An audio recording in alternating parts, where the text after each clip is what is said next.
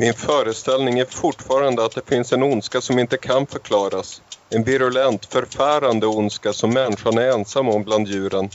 En ondska som är irrationell och inte lagbunden. Kosmisk, orsakslös.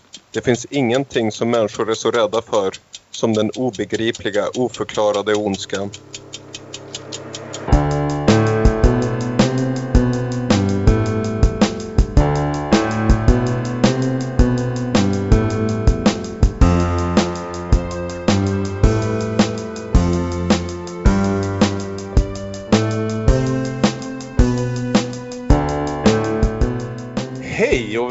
Välkomna till Demonpodden. Podden där vi tittar oss hela vägen igenom de allra flesta av Ingmar Bergmans filmer under 2019 och förmodligen början på 2020.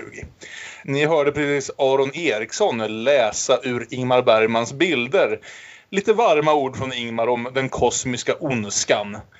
Jag heter Kalle Wärm och som alltid sitter jag här med Aron Eriksson som ni precis hörde. Hej hej. Och Björn Waller. Hej! Och vi är här ikväll för att prata om En passion från 1969. Filmen som får avsluta Ingmar Bergmans 60-tal. Vi har ju hållit på och jobbat med det ett bra tag, ända sedan vi pratade om eh, Jungfrukällan någon gång strax innan sommaren vill jag säga. Men nu är det dags att knyta ihop säcken på Ingmar Bergmans 60-tal med En passion. Precis som många andra tidigare veckor så har Aron sett lite mer än vi andra. Han har nämligen sett Reservatet, en tv-film vill jag säga. Det stämmer. Med nära kopplingar till veckans huvudsakliga film, En passion. Så därför tänkte vi faktiskt göra så den här veckan att Aron får prata lite om den på slutet istället för i början av avsnittet. Men som alltid så börjar jag väl med ett kort synopsis av filmen läst från regi Bergman. Andreas Winkelman lever ett tillbakadraget liv på en ö. Han möter Anna, en kvinna med ett tragiskt förflutet. De inleder ett förhållande, men relationen präglas av avståndstagande och brist på uppriktighet. En våg av sadistiska brott mot djur sveper över ön och Andreas och Annas förhållande tar en våldsam vändning. Det här tycker jag väl ändå är en okej sammanfattning av bitar av den här filmen. Den hoppar mest av första halvan känner jag. Men... Det är en lite mystisk film, tycker alltså, jag. Det är en jättesvår mm. film att diskutera. Jag, jag, om vi bara hoppar direkt in i det.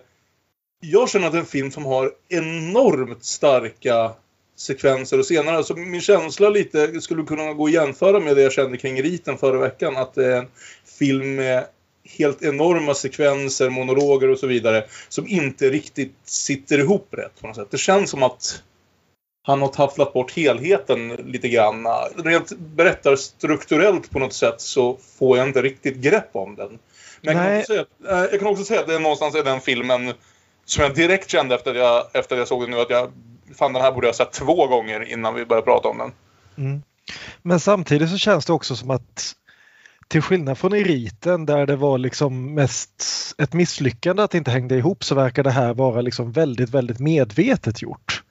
Det är liksom hela de här bitarna där han hela tiden väldigt medvetet hoppar över just de delarna av historien som han tycker borde vara de som han fokuserar på. Ja, absolut. Och att han hela tiden håller på och liksom när han klipper in skådespelarna som talar om sina karaktärer och då gissningsvis med ord som Bergman har gett dem. Eh, för jag tror inte att eh, Sydow och gänget har fått liksom tala helt fritt i filmen vad de tycker här utan Bergman har ju sagt åt dem vad de ska säga om de här karaktärerna.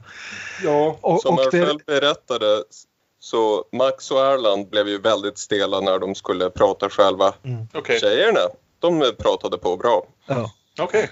Okay. Ja, nej, det, så det, vi kommer väl in lite grann på det men det, det, känns som att han är ute med efter någonting, liksom verkligen plocka sönder hela formatet film här. Ja. Och jag är inte helt säker på att han vare sig lyckas eller att det är en bra idé.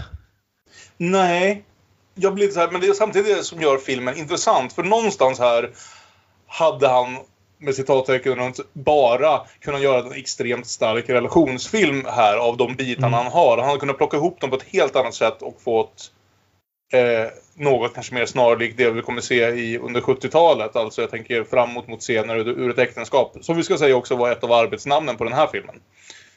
det blir ju någonting annat här bara på grund av framförallt två berättargrepp. Eller tre egentligen. Dels den här berättarrösten. Återigen får, får Ingmar hoppa in själv och berätta lite vad vi behöver veta här och där. Sådär som han gjorde på ett ställe i Persona och som vi störde oss på där. Här är lite mer återkommande men jag undrar alltid lite varför, varför det behövs. Det känns som, på något sätt som att klistra ihop bitarna. Bara se till att vi inte missar Ja. viktiga saker som han i slutet av filmen börjar hänga med på att det här var ett väldigt medvetet val. Han försöker säga någonting med de här greppen. I början av filmen blev det så här, men vad då Fick de slut på tid? Missade de att filma de här scenerna? Liksom? Kom han in i, i, till redigeringen och bara, men jävlar ja. Film, scen 35, den är ju inte med. Jag måste lägga in något här. Ja. Ja, den idioten glömde filma nyckelscenerna. Gud vad pinsamt. Ja, Exakt, alltså, ibland kändes det lite så. Samtidigt som vissa av de andra berättarrösterna berättar saker som redan borde vara helt uppenbara för liksom, tittaren. Så dels har vi det och dels har vi det här greppet som jag har redan pratat om några gånger tidigare, nämligen det här just att han klipper till skådespelarna och låter dem förklara sina egna karaktärer mitt i filmen. Vad säger du Aron?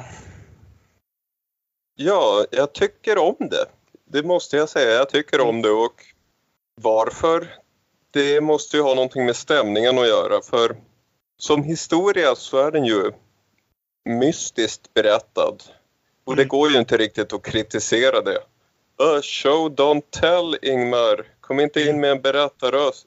Ja, det är ju uppenbarligen någon strategi han har Mm.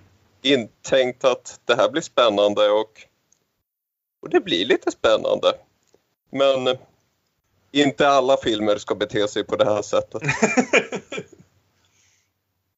Nej, jag, jag finner den jävligt fascinerande samtidigt som jag finner den smått irriterande. Mm. Ja, Ungefär så. så. Det, det, Ja. det är en ganska bra sammanfattning. Eh, för bara en sån här sak som att, att Liv Ullmann är med konstigt lite i första halvan av filmen bara för att sen vara nästan fokus för andra halvan av filmen. Samtidigt som Bibi Andersson och Erland Josefsson spelar stora roller i första halvan av filmen bara för att i stort sett aldrig mer dyka upp i andra halvan av filmen. Bara en sån sak. Ja, Vi startar den här ganska underliga filmen eh, utan att ens få en normal titel, titel, eh, titelkort eh, av något slag. Utan vi presenteras istället med, med vad heter det, produktionsnumret på filmen. Så vi ser aldrig, tror jag, titeln En passion i liksom själva filmen utan den står som L182. SFs arbetsnamn, eller liksom, vilket ju direkt säger till oss det här som vi har liksom varit och snuddat lite vid framförallt i Persona och Vargtimmen, nämligen att vi ska direkt vara på det helt klara med att det här är en film som någon har jobbat med och liksom gjort åt oss, publiken. Och eh, liksom, det, det är ingen hemlighet. Till och med skådespelarna dyker upp och prata om hur man gör något sånt här. Liksom. Får ihop sådana här karaktärer. grejen är att jag vet inte riktigt vart han vill komma med det. Vi kommer väl fram till det. Vi får ju diskutera det under halva eh, avsnittet här men det jag, jag vet inte, det, det är verkligen direkt från början att han ger sig fan på att jävlas lite grann med vad vi förväntar av en film. Och som sagt, jag är inte helt säker på att det är en bra idé och ens att den fungerar. Men ja, Nej, tidigare filmer har man ju kunnat knyta ihop det konstnärstemat uh, i Persona passar ju utmärkt ihop med att det där fjärde väggen, är det den man muckar med? ja. Det där att mucka med fjärde väggen och Mm. ha sig. Men i den här filmen så har det ju ingenting med historien att göra riktigt. Vilket gör det än mer mystiskt. Mm. Samtidigt som att vi är ju inne lite i samma tema av två karaktärer som kanske en karaktär eller hur det nu är. Och petar inte lika liksom uttryckligen som det görs i, i Persona men framförallt på slutet börjar det bli mer och mer klart att vi ska dra parallellerna mellan de två Andreas och vilken roll de spelar för, för Livs karaktär Anna. Det är återkommande, alltså det är en film som har väldigt mycket att göra känner jag, kanske framförallt med varje timmen men även Persona. Mm. Just rent tematiskt. Han är fortfarande liksom intresserad av de här sakerna. Mm. Hur som helst, vi öppnar väl med en berättarröst som berättar för oss direkt vem vår huvudroll är. Han heter Andreas Winkelman och är 48 år gammal. Sedan lång tid bor han ensam i det här huset på en ö ute i havet. Taket har länge varit skraltigt och efter senaste höstregnet har det börjat läcka på allvar. Först av Ja, allt får vi se att det finns får på Fårö, vilket jag tyckte var en revelation. och att de är i färg förstås. Ja, Inte att förglömma. för det här är ju visst, han har varit liksom... För att tala om alla dessa kvinnor var en färgfilm, men det var uppenbarligen en färgfilm som ingen var särskilt nöjd med. Så den skrämde ju uppenbarligen bort Bergman från att göra färgfilm i fem år till. Men nu har han gett sig på det igen och som färgfilm sett får man ju säga att det här är alldeles strålande. Jag tycker, älskar hur den här filmen ser ut. Mm. Det är liksom, här har han slagit sig ihop med Sven Nykvist och de har liksom byggt upp en helt annan strategi för att, hur man använder färg om man nu ska göra film i färg. Eh, så jag, jag, jag gillar verkligen just färganvändandet. Han, att det nästan känns som någonting han liksom har gått och längtat lite efter. Antingen Bergman eller Nyqvist. Och, och nu äntligen får lite utlopp för. Johan pratar om det, både Ingmar och Sven pratar om det att ja, nu ska vi göra färg på riktigt och göra det på vårt sätt. Mm. Men det blev också första gången i deras samarbete som de hade ordentliga bråk med varandra. Hade svårt att komma överens. Och Ingmar Mm. hade sitt tarmsår och Sven fick yrselanfall. Ja, dramatiskt att göra färgfilm. Och dessutom, ha- dessutom hade de kommunister att deala med. Åh fan. Det fanns kommunister 68. Mm. Bergman berättade ju om det i bilder att det var någon eh, assistent där med runda glasögon som plötsligt började kräva att hela teamet skulle ha eh, någonting att säga till om vad filmen handlade om. Okej. Och det kan man ju tänka hur Bergman uppskattade sådana råd. Ja. Men hur som helst, vi presenteras av Ingmar själv för Andreas Winkelman, 47 eller 48 år gammal. Max. Som är Max von Sydow, som vi ser först när han reparerar sitt tak på stugan på Fårö. Jag vet inte hur Max känner om att få spela nästan 10 år äldre än han faktiskt var, men han kanske är okej med det. Och vi ska ju säga det, det är ju ett hus vi känner igen också. Eh, Ja, det är det va? Jag funderade lite För, på för det här. är ju samma hus som användes i Skammen. Mm. Jag funderade på den saken och brydde mig inte om att kolla upp det. De hade ju byggt det här huset specifikt för Skammen. Mm. Och eh, SF ville väl riva det där huset förr eller senare. Och Bergman lyckades snacka sig till att få göra en film till. Det är sånt här som såna här gamla B-filmsregissörer brukade göra. Mm. Sa- samma som när Roger Corman skrev, eh, vad heter den, eh, Little Shop of Horrors på 48 timmar för att kunna spela in en film till på eh, en, ett sceneri han redan hade byggt innan han var tvungen att riva det. Så Bergman skrev ju tydligen den här filmen väldigt snabbt. Vad jag förstår så var liksom, det var eh, hans lösaste manus hittills också. Att väldigt mycket liksom inte ens färdiga repliker utan ungefär så här mår du, säg någonting. Ja, det, det faller ju in i min, i min eh, teori om att då kanske man missar att skriva lite scener här och där som hade behövts. Ja, så måste man precis. klippa ihop dem med berättarrösten sen. Ja. Så, så det är samma hus och samma skådespelare som i Skammen. Mm. Och jag tror jag sa felaktigt i Skammen att... Eh, jag har sett den här filmen en gång förut ska jag säga, för länge sedan. Eh, men jag tror jag sa felaktigt i vår diskussion om Skammen att eh, Liv och Max spelar ett gift par även i den här filmen. Vilket ju visar sig inte vara sant. Eh, men då så jag minns det. Eller, eller gör de det? Ja, precis. Men hur som helst, Max spelar något av en eremit får vi väldigt snabbt känslan av här ute på Fårö. Om Mm. det nu ska vara på Fårö. Det är i alla fall Fårö. Och, och vi har ju en väldigt intressant scen alldeles här i början. Han står och tittar på solen och solen kommer och går.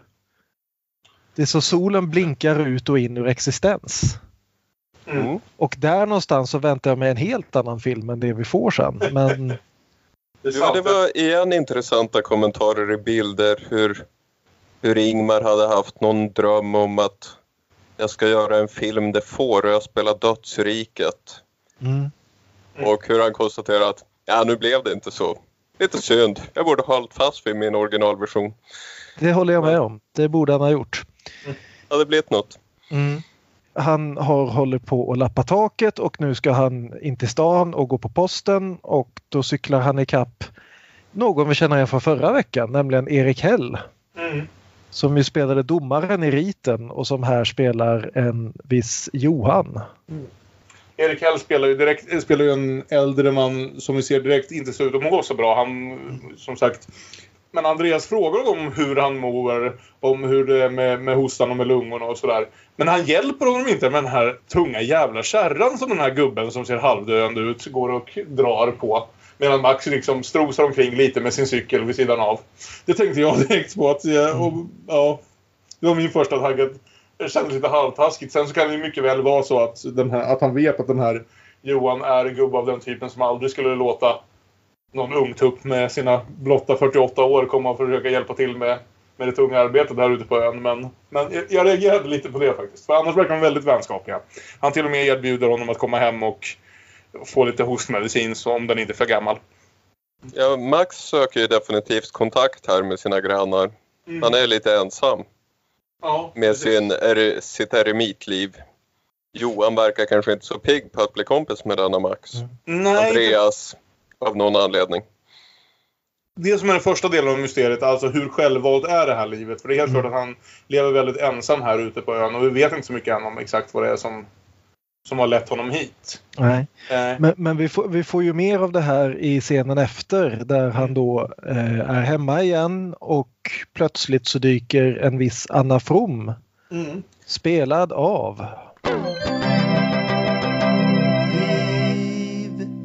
Liv Ullman dyker upp på krycka och ber att få Mm. låna telefonen. Och återigen har vi det här att det är omedelbart. när- Ja, ja, kom in, kom in, kom in, du är jättevälkommen. Kom- Du får komma och låna telefonen när som helst. Precis. Max är otroligt kontaktsökande här i början. Ja, han, har inte precis. sett, han har inte fått hänga med någon på länge nu. Mm.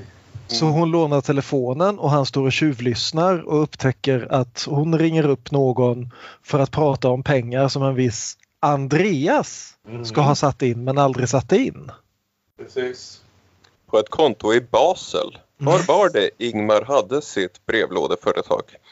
Och två intressanta saker här. De, dels då naturligtvis att, den här, eh, att det finns en Andreas till i filmen. Mm. Just apropå de här scenerna som aldrig blir filmade. Hon Mm. säger i början av scenen att jag ber dem ringa upp efteråt och berätta vad samtalet kostade.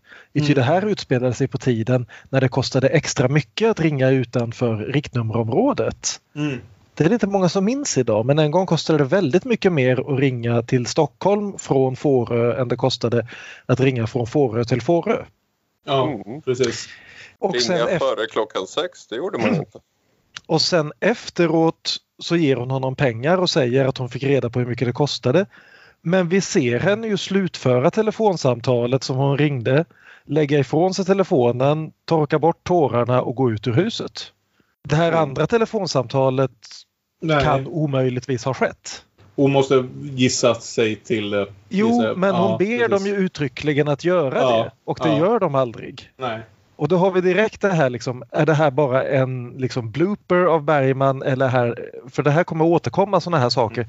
Saker som vi ser inte hända men som vi blir, får, får höra har hänt. Ja, precis. Det är inte bara det att det, vi liksom ser det inte hända utan vi ser det inte hända. Ja, jag har en fråga här också. Visst är det Elis som är den hon ringer till här? Som vi kommer lära känna senare. Det är det. Så han har ju uppenbarligen liksom ett rent ekonomiskt förhållande då till den här som vi snart ska lära oss döda Andreas. Mm. Det här är en av många intressanta saker. Det här visar på en sida i förhållandet mellan, mellan Anna och Elis, nämligen att hon kan bli... Jag menar helt enkelt de kan bråka med varandra, vilket vi aldrig kommer tillbaka till igen. Att de har den här sidan av sitt förhållande till varandra. Det, det är liksom... Trots att vi sen kommer se dem i scener tillsammans och liksom de kommer prata lite om varandra och sådär så... Så återkommer aldrig den här konflikten riktigt. Inte heller för den delen hennes direkta ekonomiska bekymmer. Mm. Så, så, så det sätter upp en del saker, liksom en del mysterier och så här. Som en hel del av det ändå lämnas hängande mer eller mindre. Det blir bara Mm. liksom detaljer i vilka de här karaktärerna är snarare än att... Vanligtvis är det här en typisk sån som på något sätt ska vara startskottet för faktiskt konflikten eller historien eller någonting i en film. Men 90% av den här scenen... Det vi lär oss här egentligen är att hon har haft en man och en son. Hon har lite pengabekymmer och kanske ännu viktigare att Max är den typen av person som stannar kvar och tjuvlyssnar på ett samtal av den här sorten. Mm. Fake stänger dörren så att Så att hon lurar så- henne att han gick ut. Precis. Precis. En lurifax.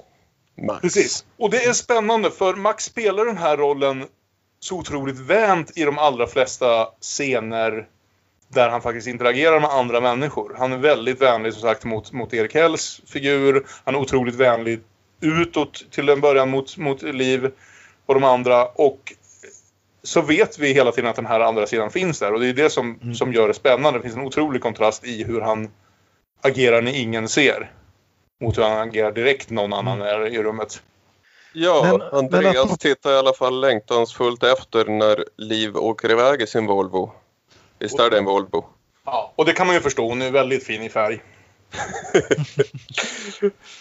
Max också för den delen. Ja. Med sitt blonda hår och rödaktiga skägg. Men så klipper vi till en intervju med Max mm. utan skägg. Mellanspel från Sydow, fjärde. Max, hur ser du som skådespelare rent personligt på den här Andreas Winkelmann? Jag tycker han är väldigt besvärlig på ett sätt därför han har ju så länge försökt gömma sig för sin omgivning. Hans eh, misslyckade äktenskap och hans eh, juridiska besvärligheter har ju tvingat in honom i något slags eh, återvändsgränd där han försöker dölja sin identitet helt enkelt. Och, och jag tycker det är lite kul ändå det här efter, efter allt besvär genom alla avsnitt som vi har haft med att hålla isär skådespelaren och karaktären. Så har Bergman varit så snäll att han gör en film där skådespelarna kommenterar karaktärerna och deras beslut. Mm. Mm. Och jag måste säga, om, om det nu är så att Bergman förmodligen har lagt de här orden i munnen på, på sina skådespelare. Så ofta när man har, som jag, spenderat alldeles för många timmar med att titta på sånt här behind the scenes material av oftast Hollywoodfilmer men även annat. Så brukar det ibland vara otroligt hur, hur, hur, dåliga även skickliga skådespelare är på att sälja in såna här liksom soundbites och annat som behövs för att sälja filmen när de inte längre har, har liksom någon hjärta och ork att lägga i det. Jag tycker ändå Max säljer att det här någonstans är någonting som han själv har kommit på. Han är ganska duktig på att spela Max von Sydow i den här scenen. Ja, jag gör ett utmärkt jobb. Och det är också rätt intressant att det är ju den här som vi får lite backstory. Ja. På Andreas också. Det är här vi får reda på att han har ett misslyckat äktenskap bakom sig. Det är här vi får... Eh, Okej, okay, det har väl... Vi har anat det men det är först här som liksom istället för att visa det här som Max då berättar att han försöker dölja sin identitet och det har skapat ett fängelse för honom. Så istället för att vi får se det ja. så får vi skådespelaren som berättar det för oss. Det är mm. jättemystiskt och det ger ja. den här lapptäckeskänslan ytterligare liksom. Ja. ja. Jo, det blir ju väldigt roligt. Ja, det är en väldigt besvärlig karaktär. Hur ska jag uttrycka uttryckslösheten? Mm. Okej, okay, du har nu sagt att det är vad du gör, så If, jag har en ledtråd. Det, ifall någon faktiskt missade det i hela filmen så får vi helt enkelt klippa in Max som, som berättar det för alla. Ja. Så, så, att han inte behöver ta på sig det i själva skådespelet. Max, och, och, gör ju en väldigt blek insats i den här filmen. Vi kanske klipper in något där du säger att du uttrycker uttryckslöshet. Ja. Jag tycker bara ska tilläggas att jag tycker Max gör en alldeles utmärkt insats i den här filmen. Ja, såklart, såklart. Jag tycker i och för sig också att han har gjort en bra insats i tidigare filmer där han har behövt göra just sådana här saker. Att uttrycka ja. uttryckslöshet och lite allt möjligt. Så ja. Det, det, det, själva greppet, det är ju nästan greppen som är halva, som, som Aron säger, halva spänningen med den här filmen. Men kanske mest för att de bara förundrar och man liksom hela tiden liksom hänger upp sig. Här i början tyckte jag också att de här intervjuerna nästan var lite spännande som jag sa mm. i något tidigare avsnitt. Som att jag är en sån som gillar att titta på sådana här liksom, bakom material intervjuer i alla fall när de har en viss kvalitet. Eh, även annars. Men man brukar ju vilja göra liksom separat från filmen. Direkt efter kanske möjligen. Mm. Eh, eller, eller liksom någon dag efter. Att verkligen få den liksom insprängd i själva filmen är ju... Ja. Jag tycker, jag tycker, det finns ett, jag tycker den sista av de här fyra inklippen ska vi säga. För det, det händer fyra gånger i den här filmen att han klipper in eh, en intervju vardera med sina fyra huvud, huvudskådespelare. Den sista tycker jag är den som retar mig mest. Mm. Eh, dels för att karaktären i fråga vid det laget har inte synts till i filmen på bra länge och inte kommer synas till igen. Mm. Eh, och dels också för att det är den som mest stör den dramatiska rytmen för den kommer på, efter, direkt efter ett väldigt starkt dramatiskt ögonblick. Så då, mm. just där och då kände inte jag för att bli påmind om att Hörru, det är bara film! Ja, det är Erlands eh, ja. intervju, eller hur? Ja. Och den kändes också väldigt skriven. Det var väldigt Bergmanska ord. Mm. Vi känner ju igen Bergmans ord ganska väl nu. Nu ja. vi är i avsnitt 30. Är vi i avsnitt 30? 31 till och med. Ja. Ja. Men se, nästa scen vi ser så sitter då Andreas och läser ett brev till Anna från Andreas. Mm. Och, ja, hon det, glömde ju väskan, den lilla norskan. Mm, och det är också en sån här grej som är lite grann vänd på. Nu vet jag inte om jag var missade någon detalj där men jag uppfattade inte att hon hade glömt väskan förrän eh, Maxen säger det i nästa scen. Nej då, hon eh, går tydligt ifrån sin väska. Ja, okej. Ja, då var det jag som inte hängde med. Men, men just det att återigen ett intressant grepp här att vi hör honom läsa texten och sen så får vi en lång tyst scen där kameran läser texten i närbild. Ja. Och det första gången är väldigt förvirrande. Men Mm. sen så förstår, kommer vi förstå senare i filmen vad det är han gör. För han vill Jo. återkomma till den här bilden av just de här Jo, orden. Jag varken kan eller vill leva med det längre. Jag tror inte på några nya försök eftersom varken du eller jag äger allvarlig vilja att förändras. Men jag vill inte ge upp. Eftersom jag vet att vi bara kommer att gå in i nya komplikationer. Som i sin tur utlöser hemska själsliga skakningar. Fysiska och psykiska våldsamheter. Det är alltså ett dumpningsbrev från original Andreas. Livs, Till Anna. Man, precis. Mm. Till Anna. Liv. Så skriver om att ja, det måste ta slut. Han skriver om hemska själsliga skakningar, Mm. fysiska och psykiska våldsamheter. Det är ord som kommer att komma tillbaka många gånger. Och kameran följer det här maskinskrivna brevet. Och vad hör vi medan den gör det? En klocka som tickar. mhm. Mm. Kanske, detta kanske utspelar sig under varje timmen. ja, den där klockan har vi hört i några filmer nu. Liksom. Ja. Jag undrar om det är samma klocka. Är det Bergmans Ja. klocka? Vi lokaliserade väl Halmstad som den första där den dök upp. Mm. Och sen Ja, har den dykt upp i, well, ett dussin. Ja. Och den kommer att dyka upp i fler om jag minns rätt. TikTok, tiden går. Ja. Andreas den andra, ska vi kalla honom kanske? ja. Eller Max. Ja, Max Andreas. Max Andreas dansorkester. Han plockar ju upp väskan och går bort för att lämna den till Anna. Mm. Och eh, Anna ligger och sover så istället får han lämna det till hennes husvärdar som spelas av Bibi Andersson och Erland Josefsson. Så alla är liksom väldigt bekanta vid det här laget. Ja. Erland är väl egentligen bara tredje gången han får en Mm. egentlig roll. Men han, han är ju den som kommer stanna kvar. Det ska sägas också nämligen att eh, det här är ju sista gången Max spelar en huvudroll åt Bergman. Vilket väl liksom, det har vi ändå gjort nu, vadå, ett dussin gånger sedan det sjunde inseglet. Och han kommer dyka upp två eller kanske tre gånger till i de här filmerna vi ska se. Men aldrig igen som liksom det definitiva fokuset på det Nej. sättet som han är i den här filmen och har varit i ett antal av dem. Och det är ju värt att nämna också att vi kan ju ta deras namn nu direkt också eftersom, det, eftersom den här filmen är som den är så kommer vi aldrig få en tydlig scen där de liksom Hej jag heter. Nej. Utan vi kommer i efterhand att få veta att alla har blivit presenterade för varandra. Mm. Men eh, då spelar alltså Bibi spelar Eva Vergerus och Erland spelar Elis Vergerus. Mm. Så nu har vi liksom en Winkelman och två Vergerus här. Ja, precis. Och en Och Anna. Exakt vad jag tänkte säga. Ingmar gillar sin annan. Ja. Och sen Max ni ute i skogen. och plockar Mm. kottar. Som man gör. Jättebra att tända med i köksspisen. Ja, och då händer ju en av... Alltså, jag minns som sagt inte jättemycket av den här filmen till den graden att, att eh, jag trodde att Max och Liv spelade ett gift par i den. Men det här var en av scenerna jag mindes. Det här och de här inklippningarna med skådespelarna. För den här scenen har en sån direkt och väldigt, väldigt effektiv chockeffekt. Mm. Måste jag säga. För det är något man så, så totalt oväntat, kanske framförallt i den här filmen som ändå hittills verkar ha varit någon slags karaktärsstudie av en ensam kar på ett sätt som vi liksom ändå har... Det har varit ganska, bortsett från de här intervjuerna och så, bortsett från formen, så har historien än så länge känts ganska bekant för oss som har sett Bergman tidigare. Men helt plötsligt när han är ute och plockar kottar så ser han någon som springer i skogen. Vi ser inte vem det är, vi ser bara en rygg. Och så hör han ett ljud och helt plötsligt så hänger där en hundvalp i en snara Mm. och dinglar.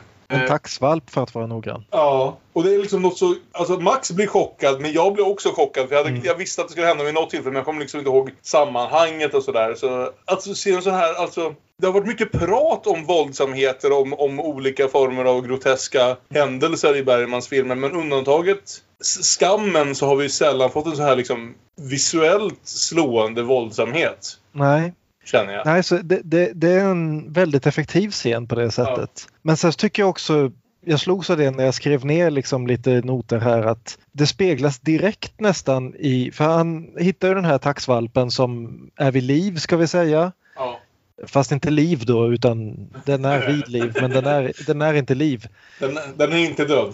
Istället Max med en Precis. tax. Max tar hem taxen. Så det blir Max tax. Ja, eh, taxen har flax som smittas av Max. Och eh, han tar hem den och ger den mjölk och ja, det är lite ett humaniserande ögonblick för Max där. Men sen så, ju- just när jag kommer att tänka på det här att taxen är, taxen är inte liv men den är vid liv, så ställer sig frågan, är taxen Bibi? För i nästa scen så går han nästan exakt likadant ut i naturen fast istället för att plocka kottar så går han ut och ska meta. Och då hittar han också någon som ligger där i skogen och då är det Bibi som ligger och sover i en bil.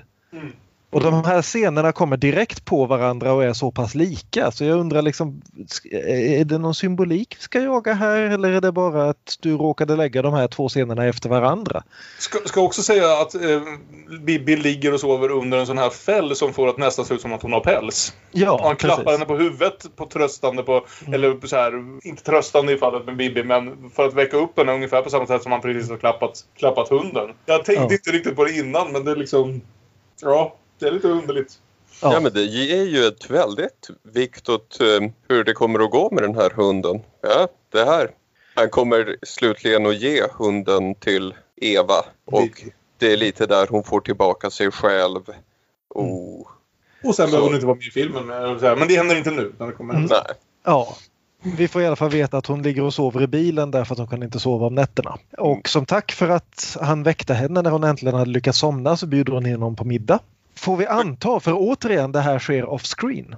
Ja, det här mötet ledde till en invit till middag. Förklara Men hur? Bergmans berättarröst. Ja, för återigen, hur ledde det till det? För vi ser honom stänga dörren och gå därifrån. Mm. När bjuder hon in honom till middag? Eh, eller hur? Jag, jag är bokstavligen mer, alltså jag förstår det här med intressanta berättargrepp. Jag är mer och mer av, om det nu var en, framst- en film som behövde skrivas fort som fan, att, och dessutom improviserade mångt och mycket, att när han kom in till klipprummet så hittade han x antal hål. Och Ja. där skulle berättarrösten in. Det är fan den enda, alltså... Särskilt just om det som sagt är ett improviserat manus. Så kommer de därifrån och han upptäcker att Bibi faktiskt aldrig bjöd in honom till, till middag liksom. Ja. Ja. Nej, för, för nu får vi en till middagsscen som vi såg för, vad det nu är, två eller tre veckor sedan. I varje timmen är det här ju, ju återigen, någon, Max blir inbjuden av Erland Josefsson till en middag i en miljö som man kanske inte verkar helt van vid. Men i liksom just själva middagen sen faktiskt går så är det ju raka motsatsen. Det här verkar ju faktiskt vara trevligt på riktigt. Till skillnad från den här helvetesmiddagen som Mm. utspelade sig varje timmen. Mm. Och det är också så- en väldig skillnad på kameraarbetet här. Ja. För i varje timmen var det ju panik. Mm. Kameran hade ingen aning. Här håller kameran en person åt gången och den personen får vara the center of attention en minut eller så. Och vi lär känna dem lite grann. Och det, det är en otrolig skillnad även i, skulle jag vilja säga, bara skådespelarstilen här. För säga vad man vill om hur starka skådespelarinsatser så har vi ändå ofta haft det här som blir naturligt med Bergman på grund av att det är skrivet i, som monologer ofta så här. Att det ändå är någonting som har sin grund i teatern. Sen kan det vara otroligt välgjort ifrån det. Men om man framförallt tänkte på det här med Bibi här. Mot hur hon levererar sina monologer i till exempel Persona. Att när hon sen får, som sagt, får bli the center of attention här vid middagen. Så blir det nästan klart just det här att mycket av det här är improviserat. Hon skådespelar fullkomligt annorlunda från när vi någonsin har sett henne skådespela tidigare. Det här är helt liksom så här naturligt. Liksom, någon, har, någon har varit och tittat på John Cas- Cassavetes vid det här laget. Det känns nästan dokumentärt. Jag trodde att Gud hade skägg när jag var liten för att ehm, jag kommer ihåg att jag satte knä på pappa och så Ja. läste vi en bok som hette Ljus. Om hur världen blev till. Och så hade han, eh, då var det en bild så här på Gud som flög över jorden och han hade armarna utbredda så det var inte vingar men han hade några skynken som flög så här. Och så var han alldeles nära jordytan. Och, och liksom bara, han var hemskt vacker med ett stort skägg och bara låg så här. Och det fick mig att tro på Gud, fast mina föräldrar inte alls trodde på Gud. Så visste jag att jag har sett honom i boken va. Om det Så att- låter levande. Ja. Att Och speciellt när man jämför med förra veckans film, liksom med riten där ingen kunde tala naturligt ens när de satt och sket liksom. Så eh, liksom nu är det verkligen det är ett par scener här. Det, det finns en del av den här liksom överdrivenheten men det är ett par scener här som känns nästan för naturliga med tanke på hur resten av filmen blir. För, för det är ett konstigt brott, för det gäller inte hela filmen utan det gäller vissa scener som väl förmodligen då är de mest improviserade. Jo, för sen precis. kommer vi komma tillbaka till det här för både Max och, Och Barry- kommer få varsin tydlig monolog liksom Ja. av mer traditionell kaliber. Och Bergman säger ju det också att om han hade klippt någonting i den här filmen så skulle det till att börja med varit alla de här inklippta intervjuerna också den här scenen. Den här improviserade middagssamtalet. Det är jättespännande. Mm. Jag tycker om den här middagsscenen. Ja, Jag Ja, tycker- jag gör också det. Ja. Och jag tycker Bibi är jättebra på det här. Mm. Mm. Ja. Och eh, som, som Kalle sa, en helt ny Bibi-stil. Ja. Och ja, vad lär vi oss om henne? Att hon är väldigt snäll, lite osäker Mm. i Ja. grunden. Om Erland, Elis, lär vi oss att han är en cyniker. Han är en väldigt cynisk människa. hus. Han- Han är arkitekt och han har fått i uppdrag att rita ett kulturhus till staden Milano. Och han avskyr Milano för de har ingen kultur. Och nog för att Milano är en industristad men vad fan det är fortfarande en italiensk stad.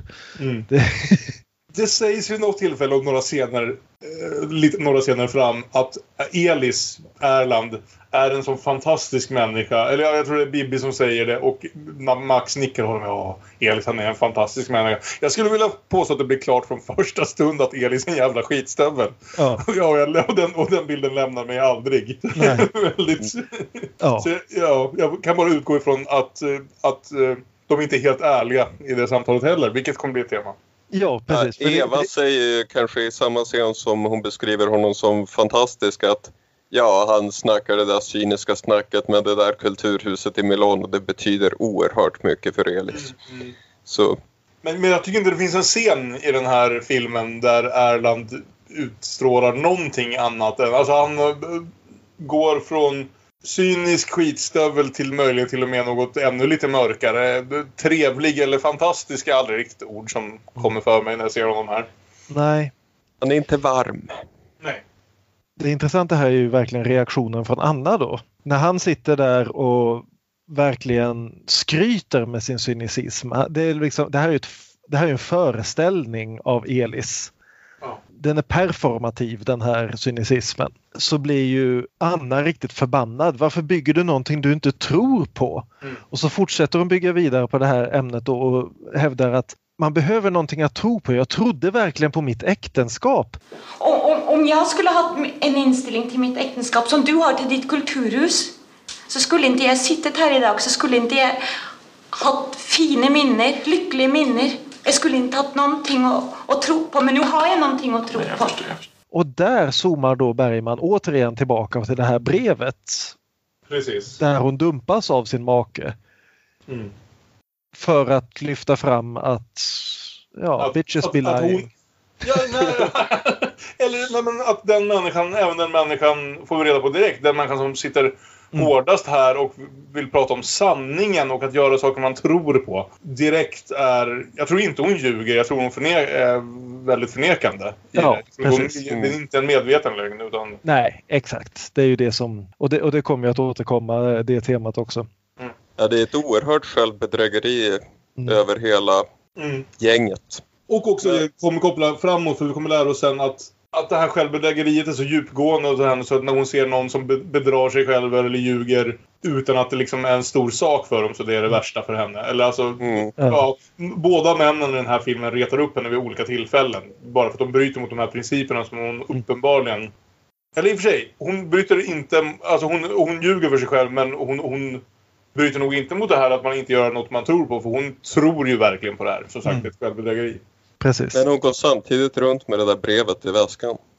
Ja, och det var lite förvirrande för mig. För jag kommer inte ihåg när det händer i filmen, men vi har ju inte fått detaljerna kring vad som har hänt med Annas man vid det här laget. Nej, det kommer ju först mot slutet av filmen egentligen. Nej, men överhuvudtaget att, att han är liksom...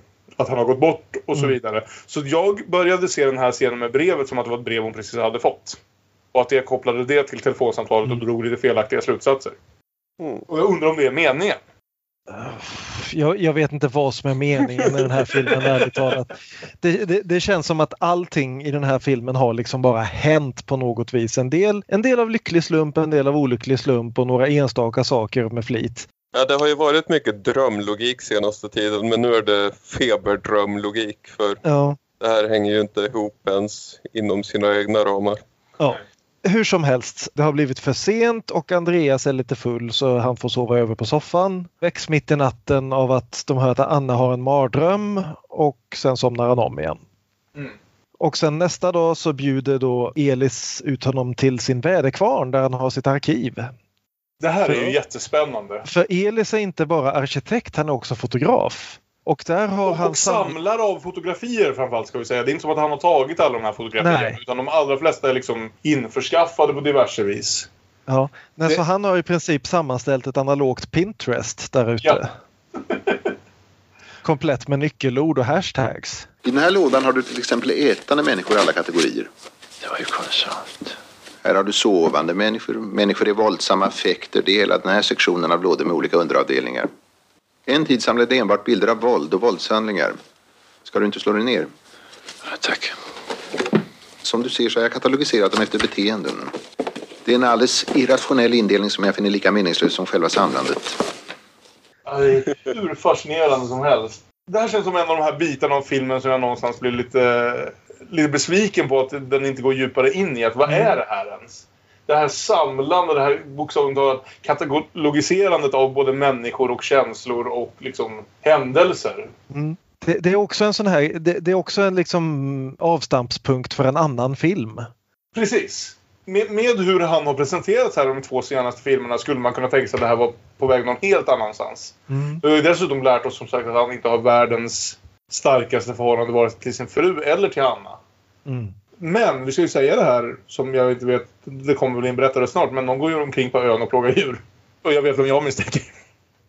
Ja, men, men, innan vi kommer in till det i alla fall så ska vi se, de pratar lite kort om den Andreas den första eller den andra Andreas, det, alltså Annas make. Ja. Elis nämner sådär i förbigående att min hustru var Torans älskarinna och det gick helt öppet till. Ja, sen lämnar hon honom. Jag vet inte. Ja, jag, har inte jag har inte frågat om det.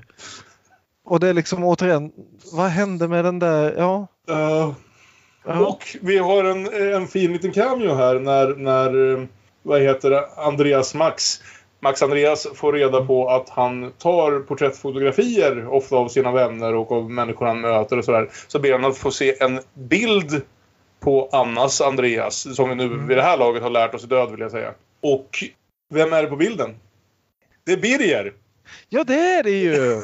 jag funderade på, är det där Birger? Men jag tänkte att det inte var Birger. Jag tänker nog att det är Birger. Och det tycker jag är roligt, för Birger har med andra ord gått från att få vara talande huvudperson i varenda Bergman-film till att få en sisådär roll där han inte ens pratar, till att nu bara vara ett fotografi.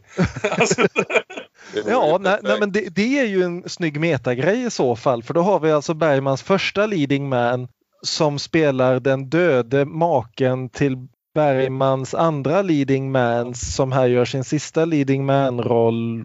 Det, det, är liksom, speciellt om man ta, ska ta teorin att de är samma karaktär egentligen. Och egentligen sista va, för Liv kommer komma att vara återkommande som ja. kvinnlig huvudroll. Jag vill inte säga att vi får någon ny Max eller Birger här nu utan de manliga huvudrollerna kommer stadigt ja, det, bytas ut. Det är väl Erland då möjligen men... Ja, det är ändå bara någon, ja, ja. möjligen. Ja. Hur som helst, eh, Andreas, Max Andreas är skakad av det här mötet. Ja, vi ska säga också att um, Erland frågar om han kan tänka sig att bli fotograferad av honom mm. vid något tillfälle längre fram. Ja. Men nu kommer vi tillbaka. Nu har det varit ett par scener sedan vi såg um, ofrivilliga eremiten Max för sig själv. Mm. Men han har blivit bjuden på sprit här. Vin kvällen innan och sprit tidigt på morgonen ute i den här fotokvarnen.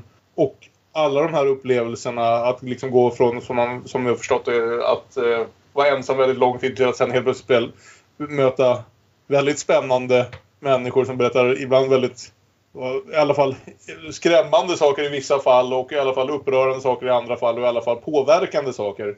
Så han går hem och sätter sig på en bänk och super sig aspackad för sig själv mitt på dagen. Mm. Och har en ja. intressant eh, diskussion med sig själv. Hörs nothing.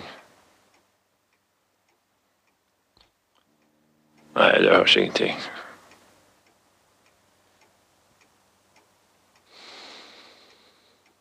Inte ett jävla dugg.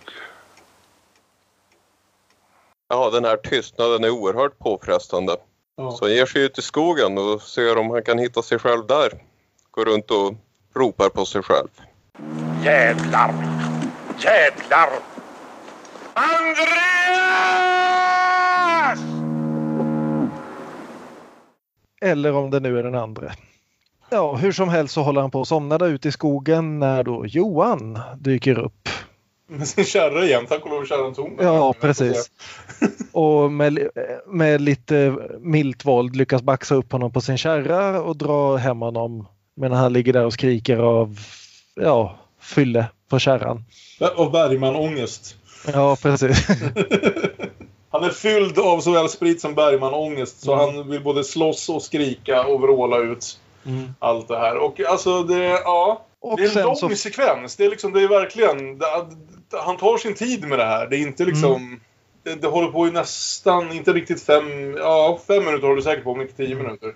Så det är ju någonting han vill säga om honom här. Dels så lär vi oss väl någonting, men det är ju som vi har sett med någon, några tidigare Bergman, men, men ja, som i varje timmen. Där vi märkte att Liv var oro, orolig för Max drickande bara på hon tittar på honom så fort han öppnar en flaska. Så ger ju det här en ytterligare dimension, för det här är ju inte, vad ska vi säga? Jo.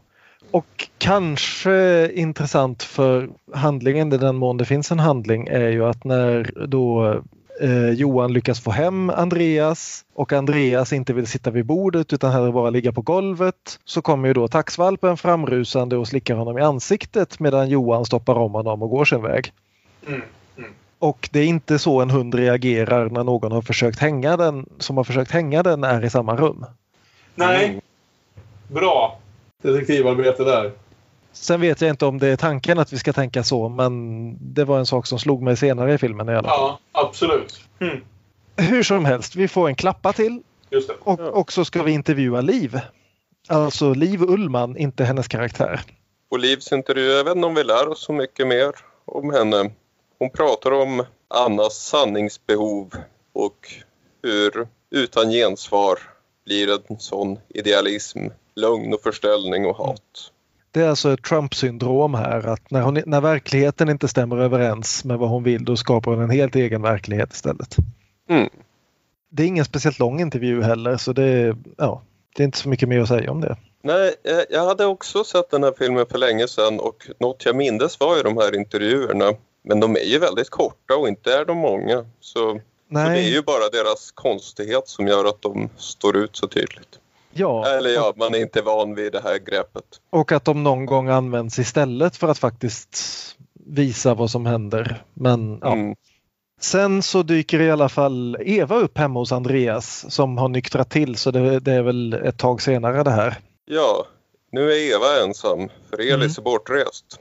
Och det är väl här som hon dumpar lite information om Anna och hur hennes, hur den Andreas den förste dog. Precis. Bilolyckan. Och att även deras barn dog i den här bilolyckan. Ja. Och det är ju hon får här... också fram att eh, Andreas, Max Andreas, har ju också en fru som han är nog inte skild från men väldigt separerad från. Ja. Och, och han, han säger inte ens så pass mycket utan han liksom bara ja, nej, skild och skild. Det är liksom, han vill inte ens sätta så pass mycket. Han, han vill verkligen inte säga vad läget är mellan dem. Nej. Vilket återigen stödjer teorin att det finns bara en Andreas i den här filmen. Och det är här också som det här är en av de scenerna i filmen där Nyqvist verkligen leker med färgerna också. För jag har den här scenen där de sitter och lyssnar på musik och äter och det är så väldigt orange scen det här. Den är extremt orange. Trump-syndromet igen. Ja, precis. Dessutom väldigt konstigt fokus. Det är nästan så att scenen inte är korrekt ljussatt och de har försökt eh, verkligen liksom tweaka till den i efterhand utan digitala eh, verktyg. Men jag, tror, liksom, jag har så pass mycket förtroende för Sven Nykvist vid det här laget att ser det ut så här så ska det se ut så här. Mm. Så det ska liksom verkligen vara den här murriga, liksom precis i solnedgångsögonblicket scenen. Mm. Jag tyckte det såg väldigt bra ut måste jag säga samtidigt Ja. som jag funderade över realismen i det. Men Mm. Men realism är ju, som vi redan lärt oss vid det här laget, inte det allra viktigaste. Nej, precis. Nej. Så Eva somnar på soffan och sen så eh, vaknar hon och kysser Andreas och b- har en monolog här som väl är hennes stora karaktärsögonblick. Och det är svårt när man, när man en dag inser att man är alldeles meningslös.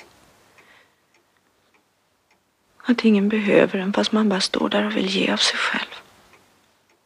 Jo, hon har ju framstått som väldigt carefree och här inser vi att hon inte är det. Nej. Nej. Typiskt. Och, och det är något som är... Återigen en svår film att diskutera utan att hoppa framåt hela tiden när man vet liksom vart det är på väg. Men, men så som de bygger upp det här och som det är skådespelat så det där kommer ju nästan vara avslutningen för Bibis karaktär i den här filmen, den här sekvensen. Hon försvinner hon har- liksom. hon- Hon har en scen till. Ja. Men hon försvinner liksom ur den efter ett tag när vi får reda på att Andreas har påbörjat ett annat förhållande. Mm. Men det här förhållandet, även om det bara är för den här korta liksom, natten, slår mig som så hemskt mycket liksom, varmare och mer faktiskt hjärtligt än någonting vi kommer se av det andra förhållandet. Ja, Och, och, och liksom för, om man ser den här filmen som en helhet, som en hel historia, så börjar man undra vad fyller det här för roll? Det, känns, det, blir en, det, blir en, det är en så episodisk film på sätt och vis. Ja. Framförallt just de här scenerna med, med Erlands och Bibbis karaktärer. Så, så även det ger lite den här spretiga känslan, den här känslan av en film som bara var halvt uttänkt vid det laget som de faktiskt satte igång och började filma den. För, för sen så, vissa av de här karaktärsögonblicken och sekvenserna och scenerna tycker jag är helt jävla fenomenala i sig själva. Men jag, alltså, jag är intresserad av helheten här men jag är också väldigt fundersam kring den. hur som helst så slutar ju scenen med att Eva försöker få Andreas att säga att hon är den fulaste människa han någonsin har legat med. Och att han svarar med att ge henne en tax. Ja.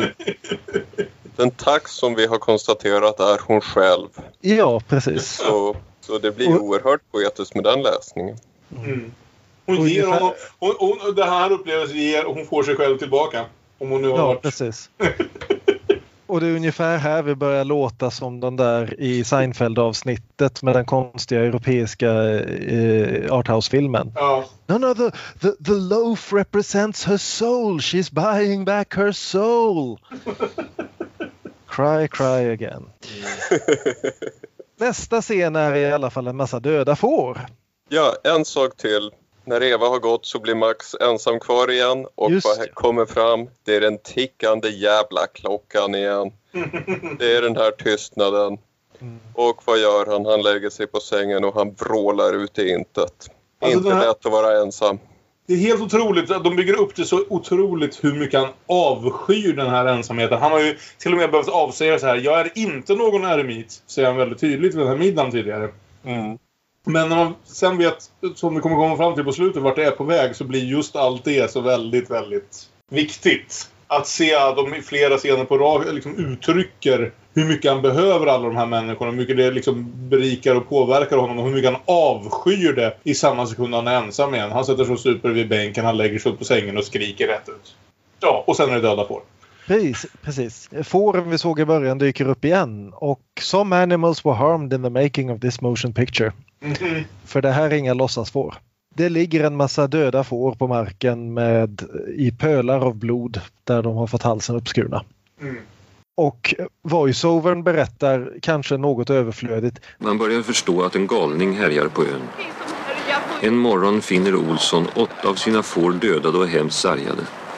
Ja, här var det verkligen en av de gångerna som jag störde mig på det. Alltså man, det är en så, återigen så stark bild. Kanske inte riktigt lika stark på något konstigt sätt ändå som en tax hängandes i en, en snara. Bara för att just o- det oväntade i den bilden också. Men det är ändå liksom bilder av får med halsarna uppskurna. Och jag känner att Ingemars röst punkterar stämningen lite grann. Måste jag ändå säga. För det är starka bilder liksom. ja, Andreas hjälper till att begrava de döda fåren. Och sen så får vi veta i nästa scen av Elis att folket på ön börjar misstänka Johan. För han är ju en sån här konstig eremit. Suttit på psyket. Mm. Etc. Har inga husdjur. Nej. Misstänkt. Mm. Inte Och samt- längre några husdjur. Nej. Och samtidigt får vi också veta att om man har ställt sig frågan var får Andreas pengar ifrån så är svaret att det får han inte.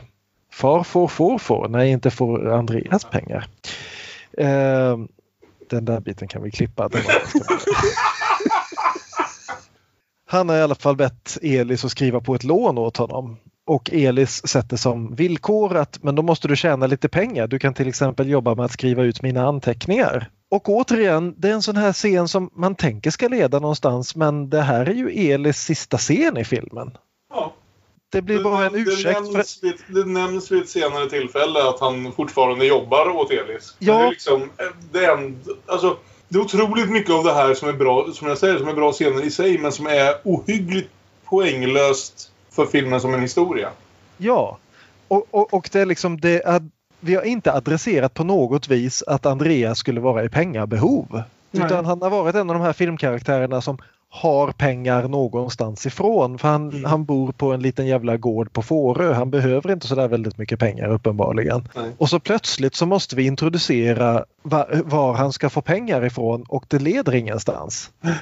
Det, ja. Vi introducerar dock en annan sida av Andreas här också. Mm. Som, som Elis på något magiskt sätt antingen har kollat upp i och för sig eller bara intuiterar sig till när han ställer frågan om Andreas någonsin har suttit i fängelse. Och får Mm. till svar att ja, det har han. Och det är ju i och för sig en intressantare detalj bara för Andreas som den karaktär vi har sett när ingen annan är i rummet. Eller när ingen annan ser på honom. Ja. Den här personen som eh, tjuvlyssnar på, på telefonsamtal och eh, läser andra människors brev.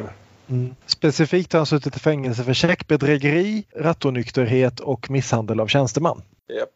Vilket är en intressant kombination av tre brott. Liksom. Det är, Och också två av dem exakt samma brott som, som i riten förra veckan. Att just det. bli tagen full och slå en polisman på käften.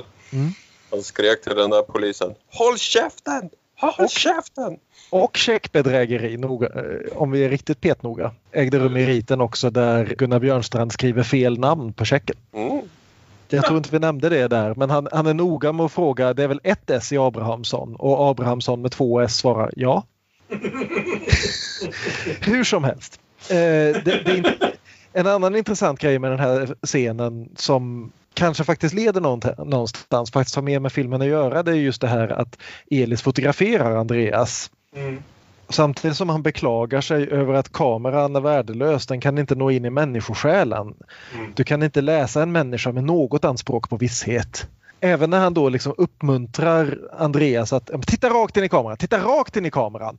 Mm. Och Max något frustrerande då inte tittar rakt in i filmkameran utan tittar på Erlands eh, Hasselblad som är alldeles vid sidan av Sven Nykvists kamera Ja.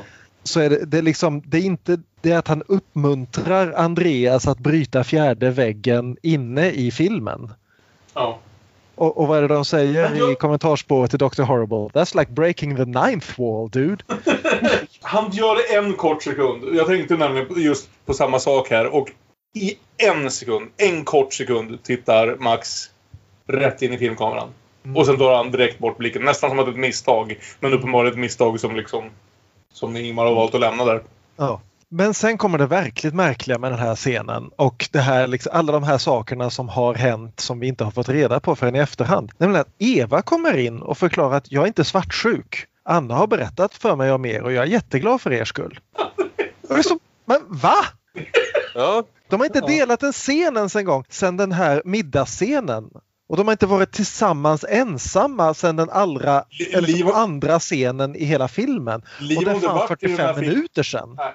Liv har inte varit i filmen på en halvtimme. Många har Nej. pratat om henne men hon har inte varit i filmen på en halvtimme bortsett från när hon faktiskt var Liv och pratade om sig själv. Ja, Eh, och så plötsligt så har vi etablerat att de har fått ihop det här. Det är otroligt fascinerande. Alltså jag blev också helt ställd för jag var så här...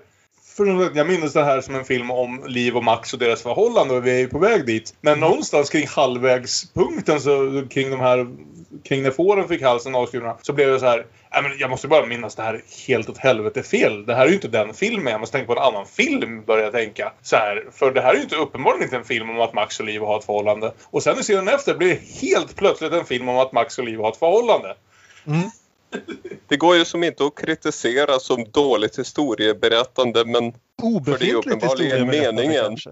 mystiskt. Ja, obefintligt historieberättande. Det måste ju vara det som att nu tar vi bort det här förljugna dramaturgiska att faktiskt berätta en historia. Ja. Och det, återigen, det måste ju vara medvetet det här. Det kan ju inte vara, jag menar Bergman har skrotat projekt förut. Det kan inte bara vara att han insåg att, eller att han liksom söp bort två rullar eller någonting. Utan det här är ju medvetet. Men jag, fan vet om jag vet exakt vad han vill säga med det. Det var ju sådana här saker som gjorde liksom... Som sagt, jag var nästan önskad att jag hade haft tid att se den en gång till innan vi började prata om den. För det är så mycket sånt här som liksom gör att man börjar undra om det var något i de tidiga scenerna som man liksom... Men är, eller är det bara liksom... Är, är det liksom en film om, om ödet på det viset? Om man tänker på hur den slutar sen. Att, att vad heter hon då? Anna From måste... Oavsett hur ologiskt den verkar ska- Anna och Andreas ha ihop det så att säga. Om det inte är den första Andreas är den andra Andreas. Det är liksom... Ja, inte en referens som någon men Always a girl, always a lighthouse. I vilket fall så kommer Bergman nu med en ny berättarröst och förklarar att ja, nu har de bott ihop ett par månader. Och plötsligt en dag så ska Anna för första gången berätta om sitt äktenskap. Mm. Och här får vi ju en, ja, vad ska man säga, en fantastisk scen. Ja, Liv får sträcka lite grann på eh, acting chopsen här. Alltså, en av de här riktigt fenomenala. Det är, det är ju mest, vid det här laget nästan klichéartat Bergman-aktiga. Det här att låta en skådespelare få visa sitt allt genom att ha en lång monolog mer eller mindre rakt in i kameran. Vi har återkommit till det. Framförallt alltså de, de standouts hittills inkluderar ju Ingrid Thulin i Nattvardsgästerna och sen såklart Bibi i Persona. Men här Mm. har vi det ju igen.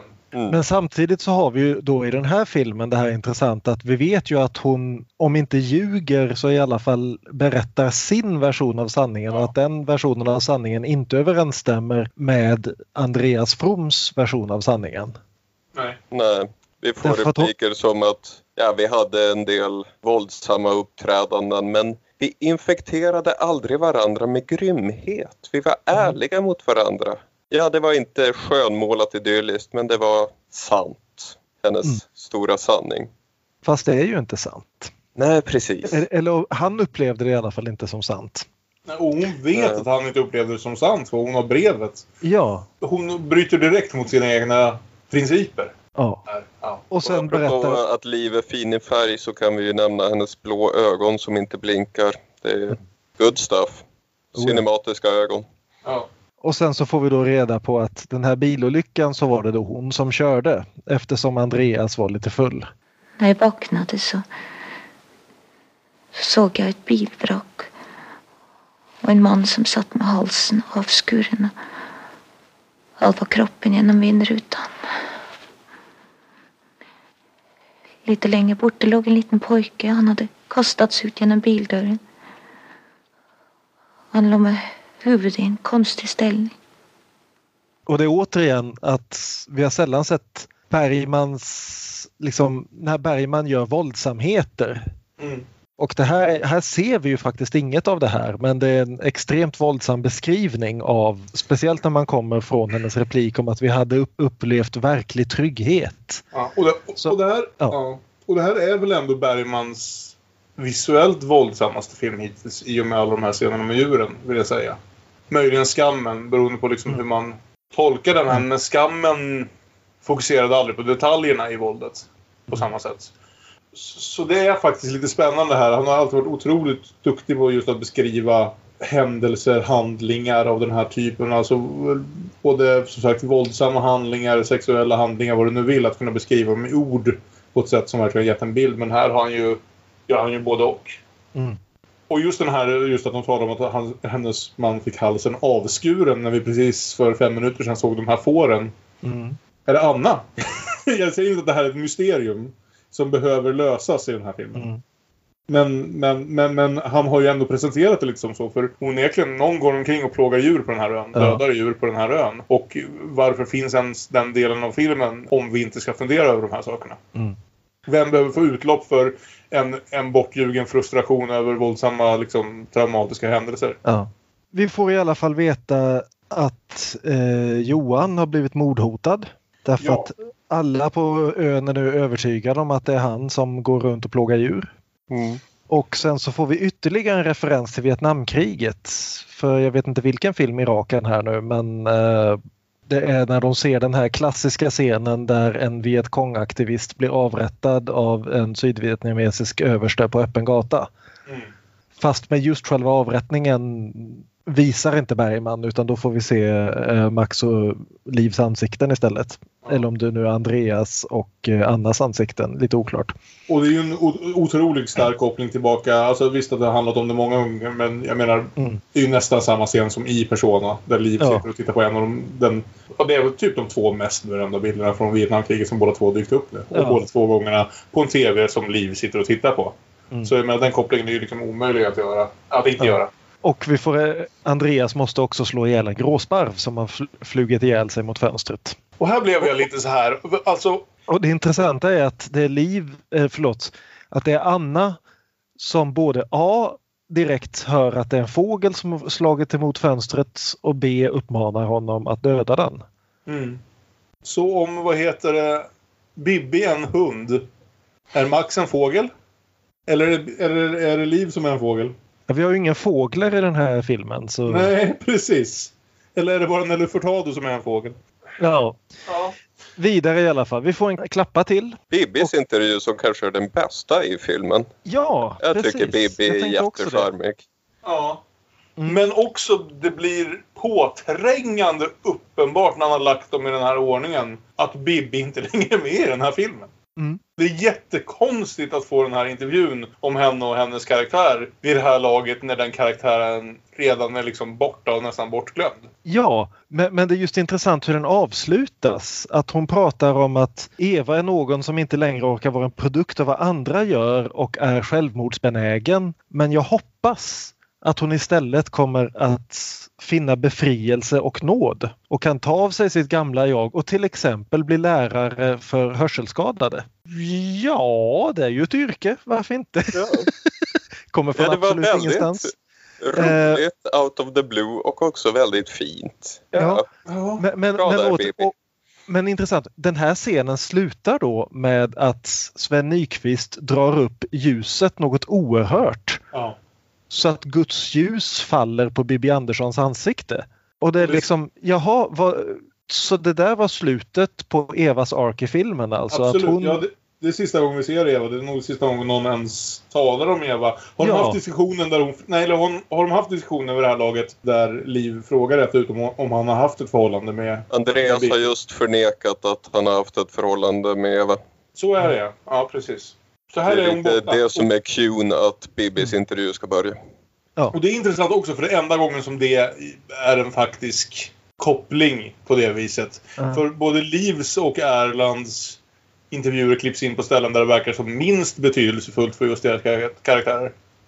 så, så om nu Fårö är dödsriket så är hon tydligen den karaktären som av någon anledning kan gå igenom Inferno och komma ut på andra sidan och klättra upp till himlen. Lite oklart varför men ja. Ho- Hon är den som genom att släppa alltihopa och glädjas över Andreas och Anna och ta hand om taxen så ja, finner hon nåd. Ja. Eller något. Samtidigt så har handlingen, i den mån den någonsin fanns, helt upplöst. Nu får vi lite repliker utan sammanhang. Helt plötsligt hör vi Andreas säga apropå ingenting. Jag existerar här endast som en formalitet. Och sen kommer Ingmar och berättar att Anna hade en dröm.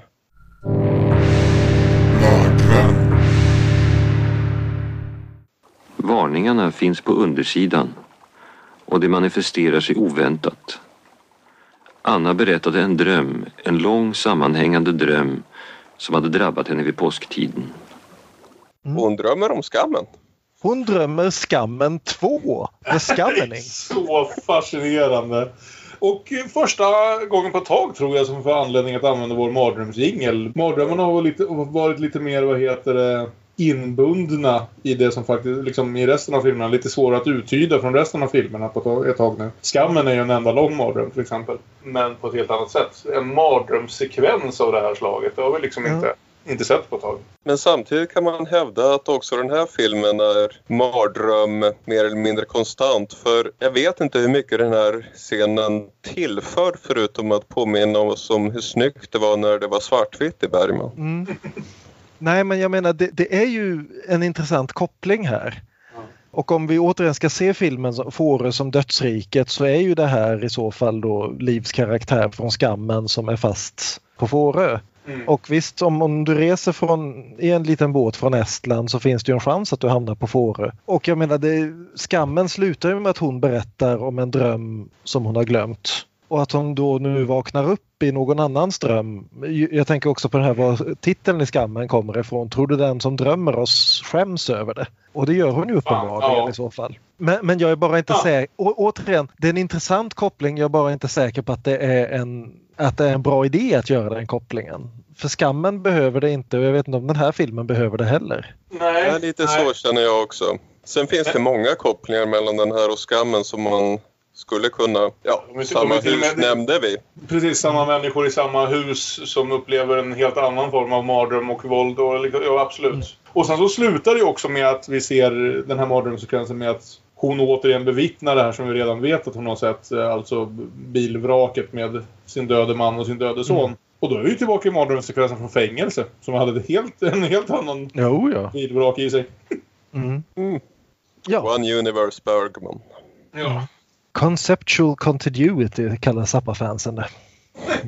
One Trick Pony kallas det också. Samtidigt i färgvärlden är polisen på plats för Johan är död. Mm. Han har hittats hängd och misshandlad, fast inte i den ordningen. Och, och Max får ett sista brev från Johan som han läser i en, ja, vi har redan nämnt det flera gånger, just det här den Bergmanska Bergmanska talangen om man vill säga det så. Att beskriva något i en sån fruktansvärd detalj. Det blir otroligt verkligt bara genom mm. ord och hur, hur skådespelare levererar det. Det, ställde upp mig mot väggen och sade att jag skulle berätta. Jag sade vad som helst som jag tänkte att de kunde bliva nöjda av att höra. Då jag inte hade mer att hitta på slog de omkull mig på marken. En av dem ställde sig över mig och pissade mig i ansiktet. Men jag kunde inte värja mig eftersom jag var mycket trött. De började att sparka mig där jag nu låg. Jag fick mina glasögon söndertrampade och mina löständer föll ut ur munnen och jag kunde icke senare finna dem. Ja, bara det att det uppenbarligen, jag älskar den här lilla detaljen att Johan som då alltså, om vi säger att han är någonstans mellan 60 och 75, Erik Hell var 58 vid inspelningstillfället, men ser ju lite äldre ut här, så har han alltså ändå skrivit det här brevet på väldigt gammalmodig svenska. Mm. Det är pluralformer på alla verben, det är nästan tysk ordföljd ibland. Man får verkligen intrycket att det här är en människa som inte har skrivit någonting sedan han gick ut folkskolan. Mm. Och nu verkligen vill skriva sitt sista brev med, på korrekt och tydlig svenska. Så det är liksom, det slog mig i ansiktet och ja. ja. Det är det är en fantastisk scen det här och just ja. att Max von Sydow då läser den som någon som A. inte helt van att läsa högt och B. verkligen inte vill läsa det här och är helt uppriven medan han läser det. Mm. Och det är väldigt fin scen faktiskt. Men det som Johan berättar är i alla fall att han blev misshandlad och pissad på och blev så övertygad om sin egen uselhet att han hängde sig. Mm. Ytterligare en finess här är att scenen blir lite ur Annas perspektiv. För vi får en bild på Anna rakt framifrån. Och Johan när han står och läser är alltid från sidan, lite undanböjd sådär. Mm. Så vi är som med Anna här, det är henne vi har sett. Och hon är ju snarast irriterad över att Andreas helt plötsligt bryr sig om någonting annat.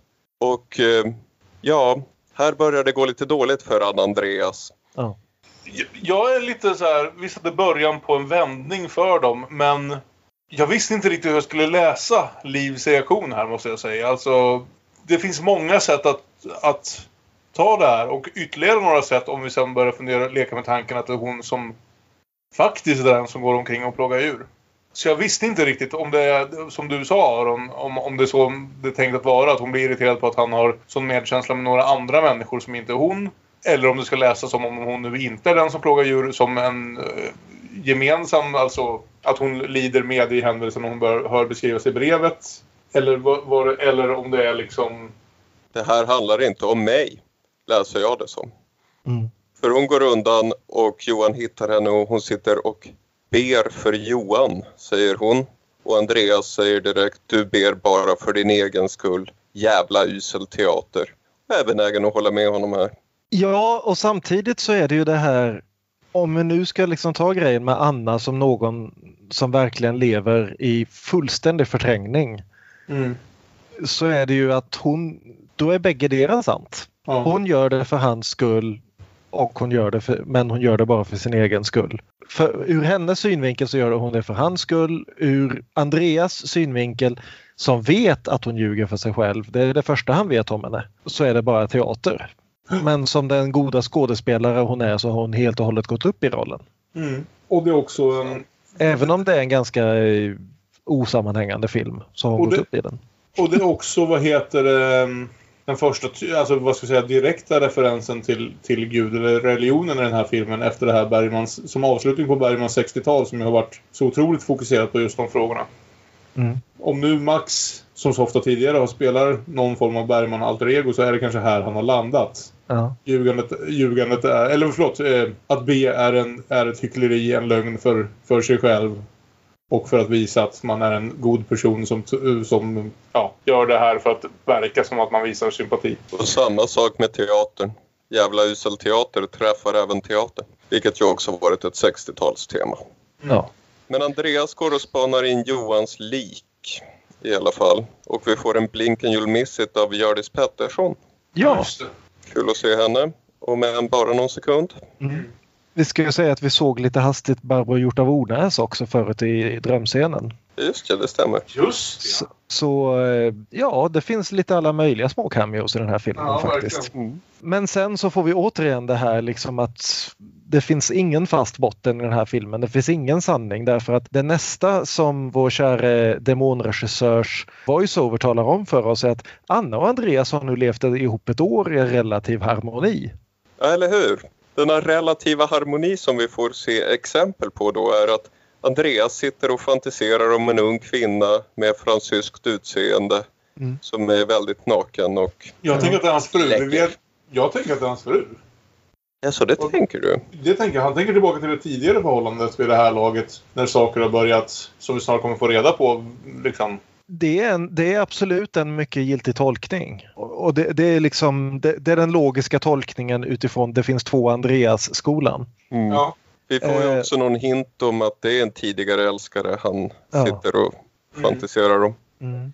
Och som prov på denna relativa harmoni får vi då... Vad tänker du på?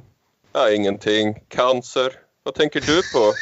Ja, ingenting. Lögnerna. Ja, Mm.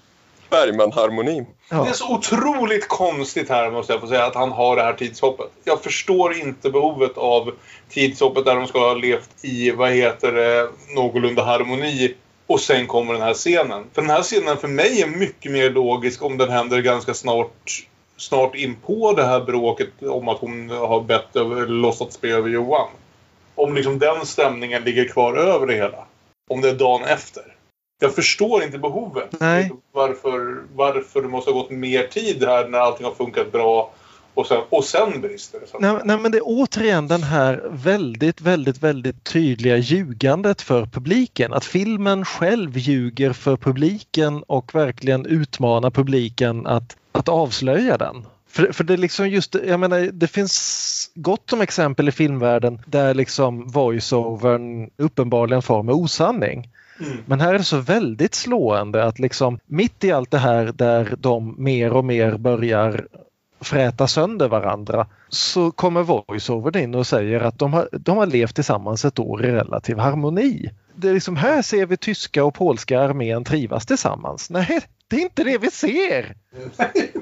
Alltså, det, är, det är fruktansvärt märkligt. Det är så märkligt Ja. att det måste finnas en tanke bakom det. Och det, ja, Jag skulle sen- säga att det är vad filmen inom eh, citattecken handlar om. Ja. För sen i nästa scen får vi ytterligare av det här performativa självmotsägelse som man brukade säga i Frankfurt på 90-talet. Mm. När eh, Liv och Max ansikte mot ansikte är karaktärerna Anna Andreas sitter och pratar väldigt öppet hjärtigt om att oh, vi kan inte vara ärliga, vi är så avstängda. Och de förstår varandra precis som hur de inte förstår. Men, men, och igen, Max har bara en underbar replik här. Jag är död, Anna. Nej, nej, jag är inte död. Nej, det är fel. Melodramatiskt. Jag är inte alls död. Jag tänker att den här scenen inte händer. Jag, Nej, precis. jag tänker att det här är Ja. drö- det dröms... Alltså, Ja. det här... Ingenting Liv gör i den här scenen är logiskt för mig. Det här, den här scenen funkar bara om det är Andreas dröm. Mm. Eller föreställning. Eller någonting. Mm. Det är mörkt till... Det är lika mörkt som det är runt Viktor Sjöström i den där bilden. Eller i den där bilen i Smultronstället. Och allt hon säger är egentligen bara liksom medhållande av allt han lämnar ut. Något som vi aldrig har sett henne göra. Mm. Den, alltså, den, den presenteras inte av filmen som en drömsekvens, men om den inte är en drömsekvens så förstår jag ännu mindre. Ja. Nej, precis. Och det här är ju liksom en scen där de pratar, åtminstone, ja de pratar ju ut om saker som de uppenbarligen skulle mått bra av att prata om i verkligheten. Men Precis. Men jag tror inte de gör det. nej. Det är en, en intressant grej jag tänkte på här bara att hela den här scenen med liksom svart bakgrund och de som sitter där nästan ansikte mot ansikte den snoddes ju rakt av den, av den fina engelska komediserien Alas Smith and Jones på 80-talet. Ja. som återkommande hade, snodde precis den här scenen för att göra betydligt roligare saker med. Jag vet inte om det är en spaning som är värd att kommentera men jag tänker lägga upp det på Instagram i alla fall. Ja, men, men, men jag, ty jag tycker det är en bra scen men jag, jag tycker liksom detta eviga bytande av metanivå gör inte filmen några tjänster. Och framförallt inte direkt efter det, för det är här jag stör mig på det. För direkt efter den här väldigt starka Max-monologen som ändå inte är ett dugg logisk i den här filmen om den inte är en dröm. För Max utlämnar sig på ett sätt han aldrig har gjort tidigare i filmen. Och Liv håller med honom om allting han säger och är stödjande och uppmuntrande på ett sätt som hon aldrig har varit i den här filmen. Så bryter de direkt från det här ändå någonstans emotionellt viktiga ögonblicket till nu ska vi höra vad Erland har att säga om sin jävla karaktär som inte har varit i den här filmen på en halvtimme och aldrig kommer dyka upp igen. Ja, och det han har att säga om den är det vi redan har fattat. Fast Att han är, ja, att han är en kan- jävla cyniker. Ja, Jag kan gå med på att han säger ju exakt samma sak som Max egentligen. Att man hittar på vad man nu behöver för att uthärda. Och igen är det motsägelsefullt att han tar den här likgiltigheten. Han visar hur mycket han inte bryr sig för att orka vara kvar. För han vill ju tydligen vara kvar så han är inte likgiltig. Så han gör ju den poängen från två håll kan man säga. Med att sätta dessa scener på varandra. Men det hade man kunnat läsa in ändå. ja. Ja, Det är, filmen, det är en film som jag har mycket att liksom, eh, som jag fortfarande sitter och debatterar för mig själv om jag ens tycker liksom att det är en lyckad som en film. Det är en film som jag tycker är som är jävligt fascinerande. Det här tycker jag nog är det största snubbleriet är att nu har valt den här konstiga jävla formen som man har gjort. För här blev jag ryckt ur filmen på ett sätt som jag inte riktigt ändå blev av de tidigare och de här avbrotten. Här blev jag direkt irriterad på det. Ja. Jag brydde mig inte ett jävla dugg om vad Erland tycker om Elis vid det här laget. Så, äh, mm, ja. Men sen, sen så får vi i alla fall filmens absolut roligaste scen alldeles efter det. När Andreas och Anna sitter och äter frukost och slåss om saltkaret. Det, det är, kan, kunde inte hela filmen ha varit så här istället? När de sitter där och fightas över ett jävla saltkar och försöker truga på den andra saltkar liksom utan en, utan en replik. Man bara ta saltet då! Ska du ha salt? Ja men ta saltet då! Ja, Tala det- inte till mig, bara ta saltet! Ja. Men visst blir det en konstig vändning i Det- det- det är så- Ännu, än, ja, och ännu konstigare om vi läser den här som jag tror är en drömscen som inte är en drömscen, om det är en scen som händer i deras verklighet. Så är, har, alltså vägen fram till den här nu totala brytningen som sker i nästa scen Ja. är Och- väldigt förvirrad. Och även där är jag väldigt länge osäker på om det är en drömscen eller inte. För där har vi återigen liksom det här tala utet som de verkligen inte har lyckats med hittills. Att Andreas står och hugger ved och Anna kliver in i en väldigt, väldigt, väldigt, väldigt, väldigt röd sjal om huvudet. Mm. Det är den rödaste sjal som någon någonsin har burit i en färgfilm. Och återigen Sven Nykvist. Och börjar liksom göra slut med honom på väldigt aggressivt sätt. Mm. Medan han står där med en yxa i handen och ber henne hålla käft. Ja. Och det är liksom, jag vet sanningen om dig, det är ett helvete att leva med dig. Och jag tycker inte det här stämmer överens med den karaktär vi har sett hittills i filmen. Så någonstans här så tror jag, just i speglingen av den här förra som vi tror drömscenen, den här i det, svarta rummet när Andreas talar ut som sig själv, Mm. så tror jag väldigt länge att det här är han som står ensam på vedbacken och har en nidbild av Anna i sitt huvud och tänker vad hon skulle säga till honom. Men det går ju upp i rök när han faktiskt försöker hugga ner henne med yxan och sen spöa skiten ur henne. Och det kommer, det är så, alltså det finns inget flyt i hur det här förhållandet har liksom utvecklats känner jag. Kanske framför allt skadat av det där tidshoppet där de uppenbarligen har levt lyckliga ett bra tag. För jag, jag får inte riktigt liksom vett och sans på det. Och det är kanske är det som är poängen. Det finns, man vet aldrig vad det är som kommer trigga liksom vändningen när den kommer. För de har båda två uppenbarligen levt med uppenbara lögner och förnekelser. Liksom som de håller ifrån varandra eller från, för, från sig själva. Ja. Men, men det är inte riktigt så det, det, är inte riktigt så det framställ, äh, framstår när man faktiskt ser filmen. Nej, för att heta en person så liksom har Bergman verkligen ansträngt sig för att klippa bort alla scener som faktiskt visar någon person. Mm. Det är, liksom, Ja. det, är det, det är det absolut sista den här filmen handlar om så är det passion.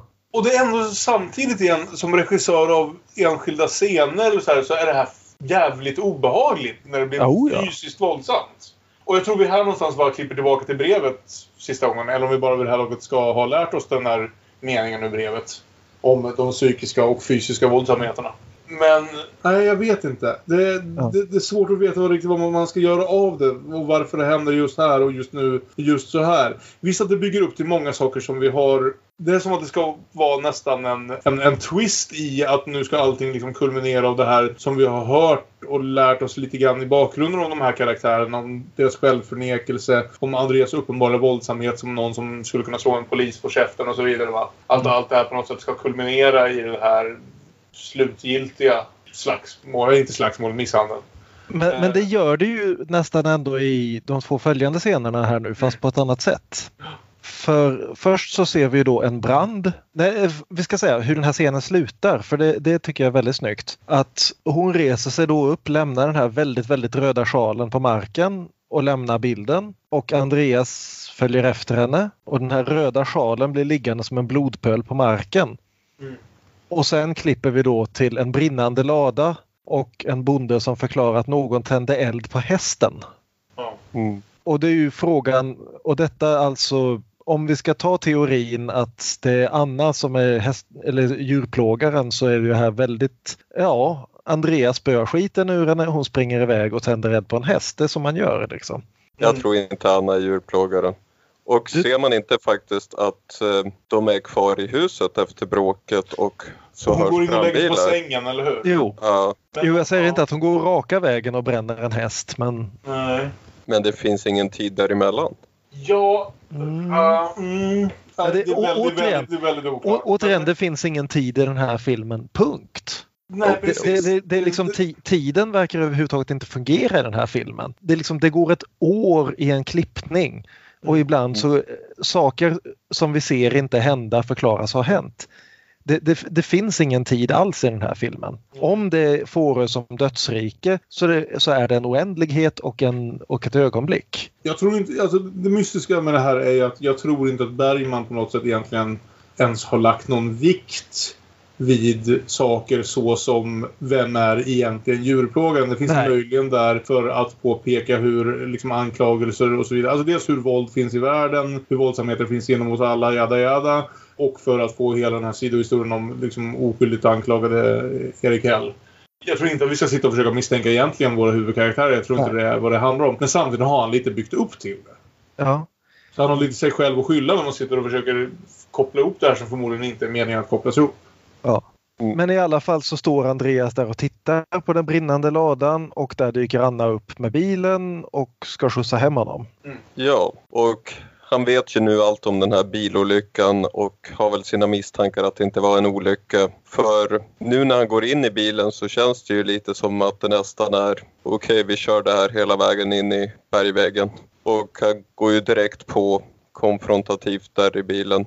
Och han berättar hur han läste det här brevet direkt innan de kände varandra så han visste det hela tiden. Och ja, soundtracket hjälper också till och bygger upp stämning här. Du talar alltid om sanningen och att man måste leva i sanning. Tänk vilket fruktansvärt bedrägeri. Jag minns när du talade om ditt äktenskap, om all lycka, all kärlek. Det var ju lögn. Lögn. Det var ju lögn, Anna.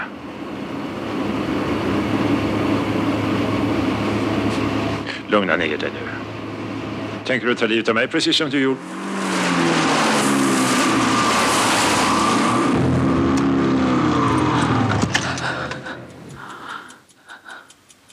Men eh, vi får ju aldrig riktigt smällen. Precis som den andra Andreas. Han, Andreas. Den här Andreas, till skillnad från den första Andreas, tar också ratten men lyckas stoppa mm. Och så får vi då filmens tre sista repliker av de tre huvudpersonerna. Varför kom du förresten och hämtade mig då, vid branden? Jag har länge gått vid din sida. Nej. eh, och Anna svarar. Jag kom för att be om förlåtelse. Mm. Och sen så lämnar hon honom där på vägen. Och det är filmat från extremt långt håll. Mm. Det känns som att det är filmat på en kilometers håll för upplösningen är så låg. Mm. Och Andreas går där och sparkar och svär och, och så hör vi klockan ticka och så säger vår tredje huvudperson, Ingmar Bergman. Den här gången kallades han Andreas Winkelman. Samtidigt som, som Max nästan upplöses i ljuset av att... Ja. Liksom, det, precis som vi såg med Bibi tidigare i hennes intervju. Lite som vi ser hända med Liv i Persona. Det är liksom ja. ett vanligt trick men han upplöses in i eten. Ja. Och där slutar filmen. Och som sagt, sen kommer den här repliken som ju egentligen är det som den här gången hette han Andreas Winkelman. Ja. Och det var där jag bara såhär, fan jag skulle ha suttit med och sett om den en gång till. Ni tänkte alltså att det var en och samma Andreas? Två Nej. Gånger.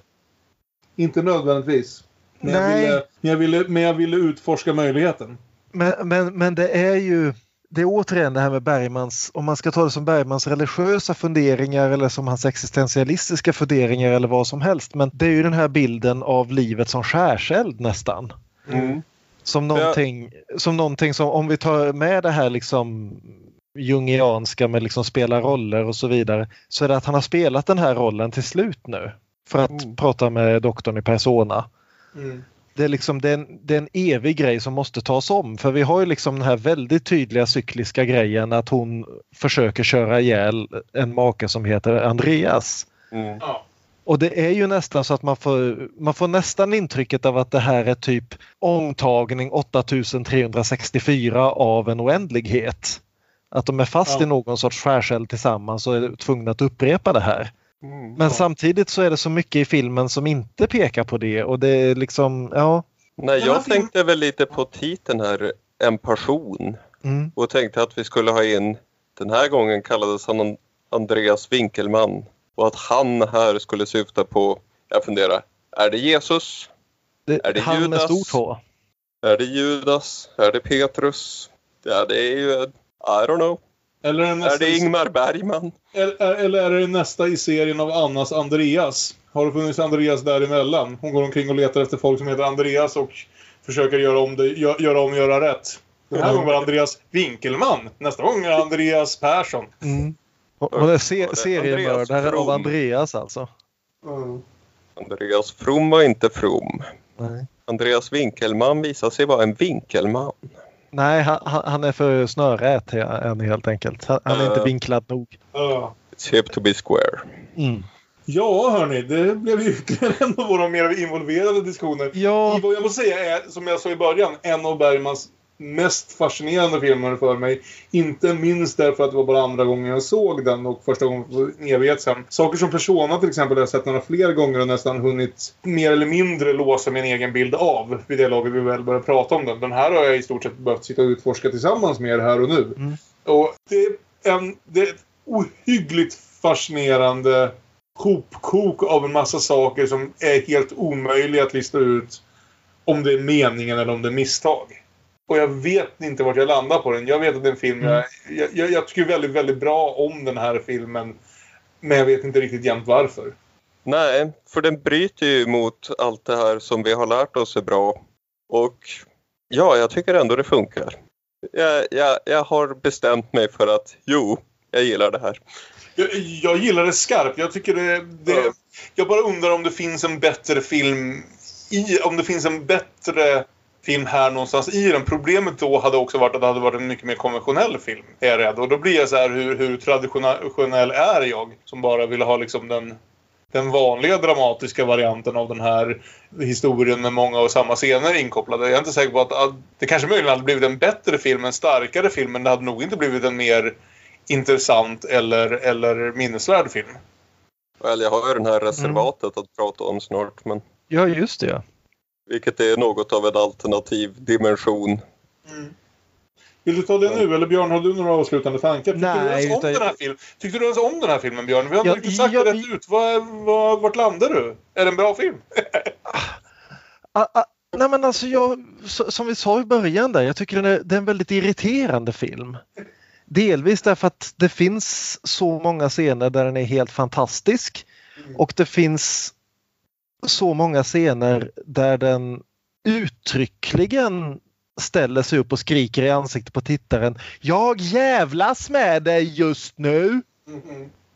Och det är inte det här som han gjorde i, i eh, Vargtimmen och Persona där det är liksom att dra in tittaren i mardrömmen. Utan det är precis raka motsatsen här. Det är så väldigt medvetet alltihopa så jag blir inte klok på det. Nej. Och, och det är, jag fattar inte vart han vill komma med allt det här. Eh, Eller jag, jag fattar delar av det och jag inbillar mig i alla fall att jag gör det. Och jag tycker det är väldigt intressant det han gör. Jag, jag vet bara inte om jag stör mig på filmen mer än jag fascineras av den eller om det är samma sak. Mm. Ja, nej. Det varit en av de mest spännande filmerna att prata igenom vill jag ändå säga. Mm. Aron, vad är den här andra filmen för något? Ja, Reservatet. En banalitetens tragikomedi. Är en tv-film regisserad av Jan Molander, son till Gustav Molander. Vi har tydligen sett denna Jan Molander i småroller i Hets och Skepp till Indialand. Och han har alltså nu fått regissera ett manus som Ingmar skrev utifrån samma grundmaterial då på, som en person. Han hade väl de här karaktärerna lite skissade och bröt ut en historia till den här tv-filmen Mm. som finns på SVT Play kan jag nämna. Ja. Och eh, sen så tog han resten av bitarna och brydde sig inte om att foga ihop dem och gjorde en person. Eh, men eh, ja, det är väl, vad kan man säga, en alternativ dimension så gick det så här för karaktärerna. Och vi har Anna From igen i huvudrollen, ja huvudperson, spelad nu av Gunnel Lindblom. Och det är inte samma karaktärer kan vi säga. Det de har samma namn och ibland liknande drag. Men här är då Anna From med sin man Andreas som här är arkitekt. Andreas From spelad av Per Myrberg. Erland Josefsson spelar Elis men det verkar inte vara samma Elis. Han är här eh, eh, Annas älskare. Och sen, ja, många kända skådespelare. Erik Hell, Georg Funkvist, Siv Rud. En liten roll för Börje Ahlstedt. Bara en sån sak. Och en arbetstitel på det här projektet var alltså Ann Andreas förslag till scener ur ett äktenskap. Och eh, man kan väl säga att den här reservatet liknar mer scener ur ett äktenskap än vad den liknar en person. För vi är inne i stan. Det är inte några konstiga händelser på en ö här. Och man kan ana lite att han kommer att göra scener ur ett äktenskap om några år. Den börjar med intervjuer på ett sätt som väldigt likt eftergångaren. Så vi har det här paret i borgerlig idyll som en dag vaknar av nyheten att Martin Luther King har mördats. Och detta verkar bli en katalysator som gör att allt går åt helvete. Och det här är inte en bra film. Nej. Så om det här var den konventionella varianten av en person så ska vi vara glada att det inte var den vi fick. Nej. För en effekt som reservatet nu har haft på mig är att jag är lite orolig att scener ur ett äktenskap ska vara precis lika platt som den här är. För Aha. jag minns ju scener ur ett äktenskap som rätt bra men, men jag har haft fel för. Och eh, den är väldigt slätstruken i första timmen ska sägas. För i rättvisans namn så kommer en sista halvtimme när det bara är paret som har sitt avgörande gräl en halvtimme som faktiskt bränner till rätt bra stundtals. Så den här scenen ur ett äktenskap kommer nog bli en höjdare. Vågar jag hoppas. Ja, ja, ja, det är en av dem jag har bävat mest inför. Eh, bara baserat på minnen från den gången. Vi är snart där! Men det, man kan väl säga att det är intressant att han tog fram både den här väldigt konventionella direkt slätstrukna historien eh, som reservatet är och en person som är allt annat än konventionell och säga vad man vill, den är inte slätstruken. Så han tog fram det ur samma material. Mm. Vilket ju är en dimension i sig med tanke på hur en person ljuger för oss. Så finns det också den här alternativa varianten där allt är tråkigt. Om eh, det reservatet kan vi också säga att det snabbt gjordes remakes för brittisk och amerikansk tv. 1970 kom den brittiska, 73 kom den amerikanska. Den brittiska finns på Youtube, den är ännu sämre. För där är inte ens sista scenen bra. Okej. Spännande! Eh, alltid jättekul att höra om alla de här, vad ska jag säga, mer sidoliggande filmerna som, som du har tagit dig tid att se Aron. Men det för oss väl fram till slutet Att jag av faktiskt tog mig tid att se den brittiska versionen var ju nästan lite väl. Och det för oss fram till slutet av vår diskussion om en passion och även då om... Vad heter den då? Reservatet. Om reservatet. Men innan vi avslutar dagens avsnitt ska vi väl hinna med... Dubbelbull, dubbelspel, parhäst, filmfest. Kan börja hos Aron den här gången kanske. Vad har du att para ihop det här med Aron? Jag har valt en film noir. Det trodde ni inte. Jag har valt The Prowler från 1951. Som ju är en riktigt bra film. Ja, den såg jag för inte alls så länge sedan faktiskt. Spännande. Ja. Ja. Regisserad av Joseph Losey med Evelyn Keyes och Van Heflin i huvudrollerna.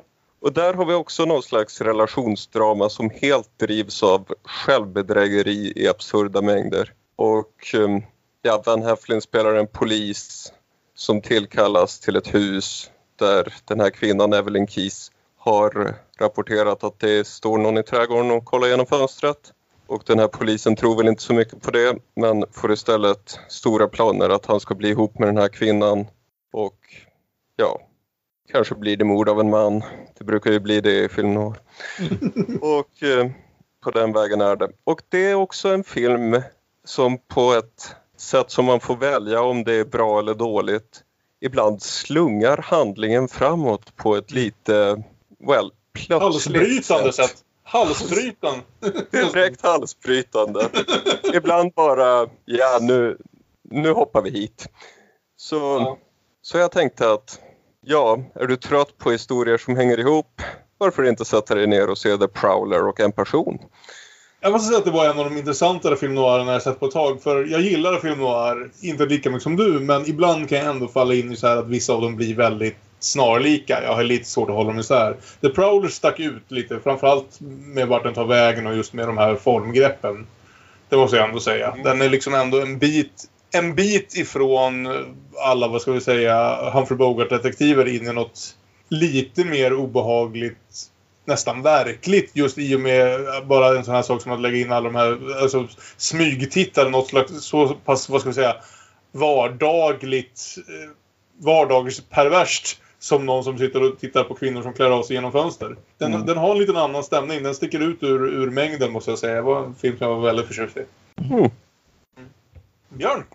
I en öken någonstans i USA samlas en massa människor. De ska se en film. De får veta att filmen är en hyllning till Av ingen anledning, No reason.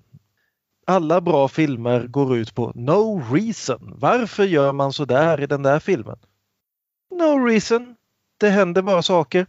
Så de är där för att de ska titta på en film.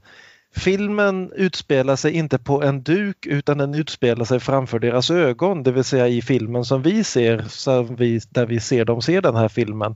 Och det är en film om ett däck som rullar runt i, i olika öken-communities och mördar folk genom att spränga dem med sina tankar. Det här är alltså Quentin Dupieus film Rubber från 2010 jag väljer den här därför att det är en film som jag aldrig blir riktigt klok på. Som jag tycker är fantastiskt rolig. Till skillnad från en person. Men som också hela tiden leker med det här, vilken metanivå är vi på för tillfället? Det, hela tiden, det, det, går inte att få ihop den här filmen till ett sammanhängande berättelse. Det är fullkomligt omöjligt därför att de byter hela tiden nivå. Varje gång någon tror att Ja, det finns till och med scener där folk säger liksom Ja, men jag är säker för det här är bara en film. Och så är det bara en film. Fast sen så är det inte det. Och ja, och naturligtvis det här att något det finns ju djurplågeri i den här filmen också för däcket spränger naturligtvis kråkor och saker också. Så det, jag tycker det vore väldigt intressant att se de här två filmerna back to back just för att se hur två väldigt, väldigt olika regissörer hanterar några liknande grejer. Men eh, jag ska inte säga att Quentin Dupieux är en regissör på Bergmans nivå men jag tycker definitivt att Rubber är mer, om inte mer diskussionsvänlig så definitivt mycket mer underhållande än vad en person är och jag skulle väldigt gärna vilja se den just nu. Helt fint. Uh, ja, jag var, som jag har varit några gånger tidigare, lite mer rakt på sak och började ju tänka på det här att hur hade den här filmen varit om det var, vad ska vi säga, en vanlig film? Utan de här konstigare greppen som Bergman väljer att använda hela tiden. Berättarrösten som täcker igen hålen och intervjuerna med sina skådespelare och så vidare. Så är det ju ändå så att en av de andra mest berömda europeiska eh, filmregissörerna under eran strax efter Bergman får man väl ändå säga, även om han fortfarande var i livet, gjorde en film om en kvinna som förlorar sin make och sin lilla son i en bilolycka och behöver plocka upp livet igen. Inklusive hur man efter en sån händelse går vidare och försöker våga starta upp ett nytt förhållande. Och då är ju då den första delen av Kieslowskis Trikoloren Blö, eller som den fick heta på svenska, Frihet, den blå filmen. En film som använder färg minst lika starkt som, som eh, Bergman och Sven Nykvist använder färgen rött i En passion så använder den här, ja, som ni kanske anade, blå. Den blå färgen. När Juliette Binoche behöver plocka ihop sitt liv igen efter en olycka som har raderat resten av hennes familj. Också en oerhört stark film, eh, även om den fungerar på ett mycket mer direkt sätt. På ett mer okomplicerat sätt, om än inte okomplicerat känslomässigt så eh, filmiskt sett okomplicerat. Men också en film som tar sig tid att luta sig tillbaka och fundera över de här sakerna. Man skulle kunna tänka sig att någon, skulle, någon annan som inte jag skulle kunna kalla den för långtråkig, men det är inte jag som säger sådana saker. Jag tycker väldigt bra om den här filmen. Jag har inte sett den på lite för länge, men det, det är en film som, trots att jag inte har sett den på en 10-15 år, finns väldigt, väldigt starka bilder som jag aldrig riktigt har tagit mig ifrån. Så Kieslowski, han är någon ni kan börja fundera på om ni skulle vilja gilla, om ni nu gillar allt vårt Bergman-snack. Mm. Ja. Men med allt det sagt så avslutar vi vårt avsnitt om En passion och även Ingmar Bergmans 60-tal och återvänder nästa vecka med Beröringen. Ingmar Bergmans första engelskspråkiga film, vill jag säga, i alla fall i mångt och mycket. Jag har inte sett den än. Så bara en sån sak. Det ska bli väldigt spännande att se. Och då kommer vi dessutom att eh, komma ett av de här fallen där vi faktiskt sitter i ett och samma rum och spelar ihop det alla tillsammans. Så det ska också bli kul. Mm. Mm. Blir det någon musik den här veckan, Aron? Ja, det utgår jag ifrån att det blir. det låter det bra det. ju bli det. Mm -mm. Man kan ju nå oss via sociala medier. Vi finns på Instagram och på Twitter som Demonpodden, Damonpodden. Vi finns på Facebook som Demonpodden med Ä. Man kan mejla oss på damonpodden gmail.com om man vill göra en sån sak.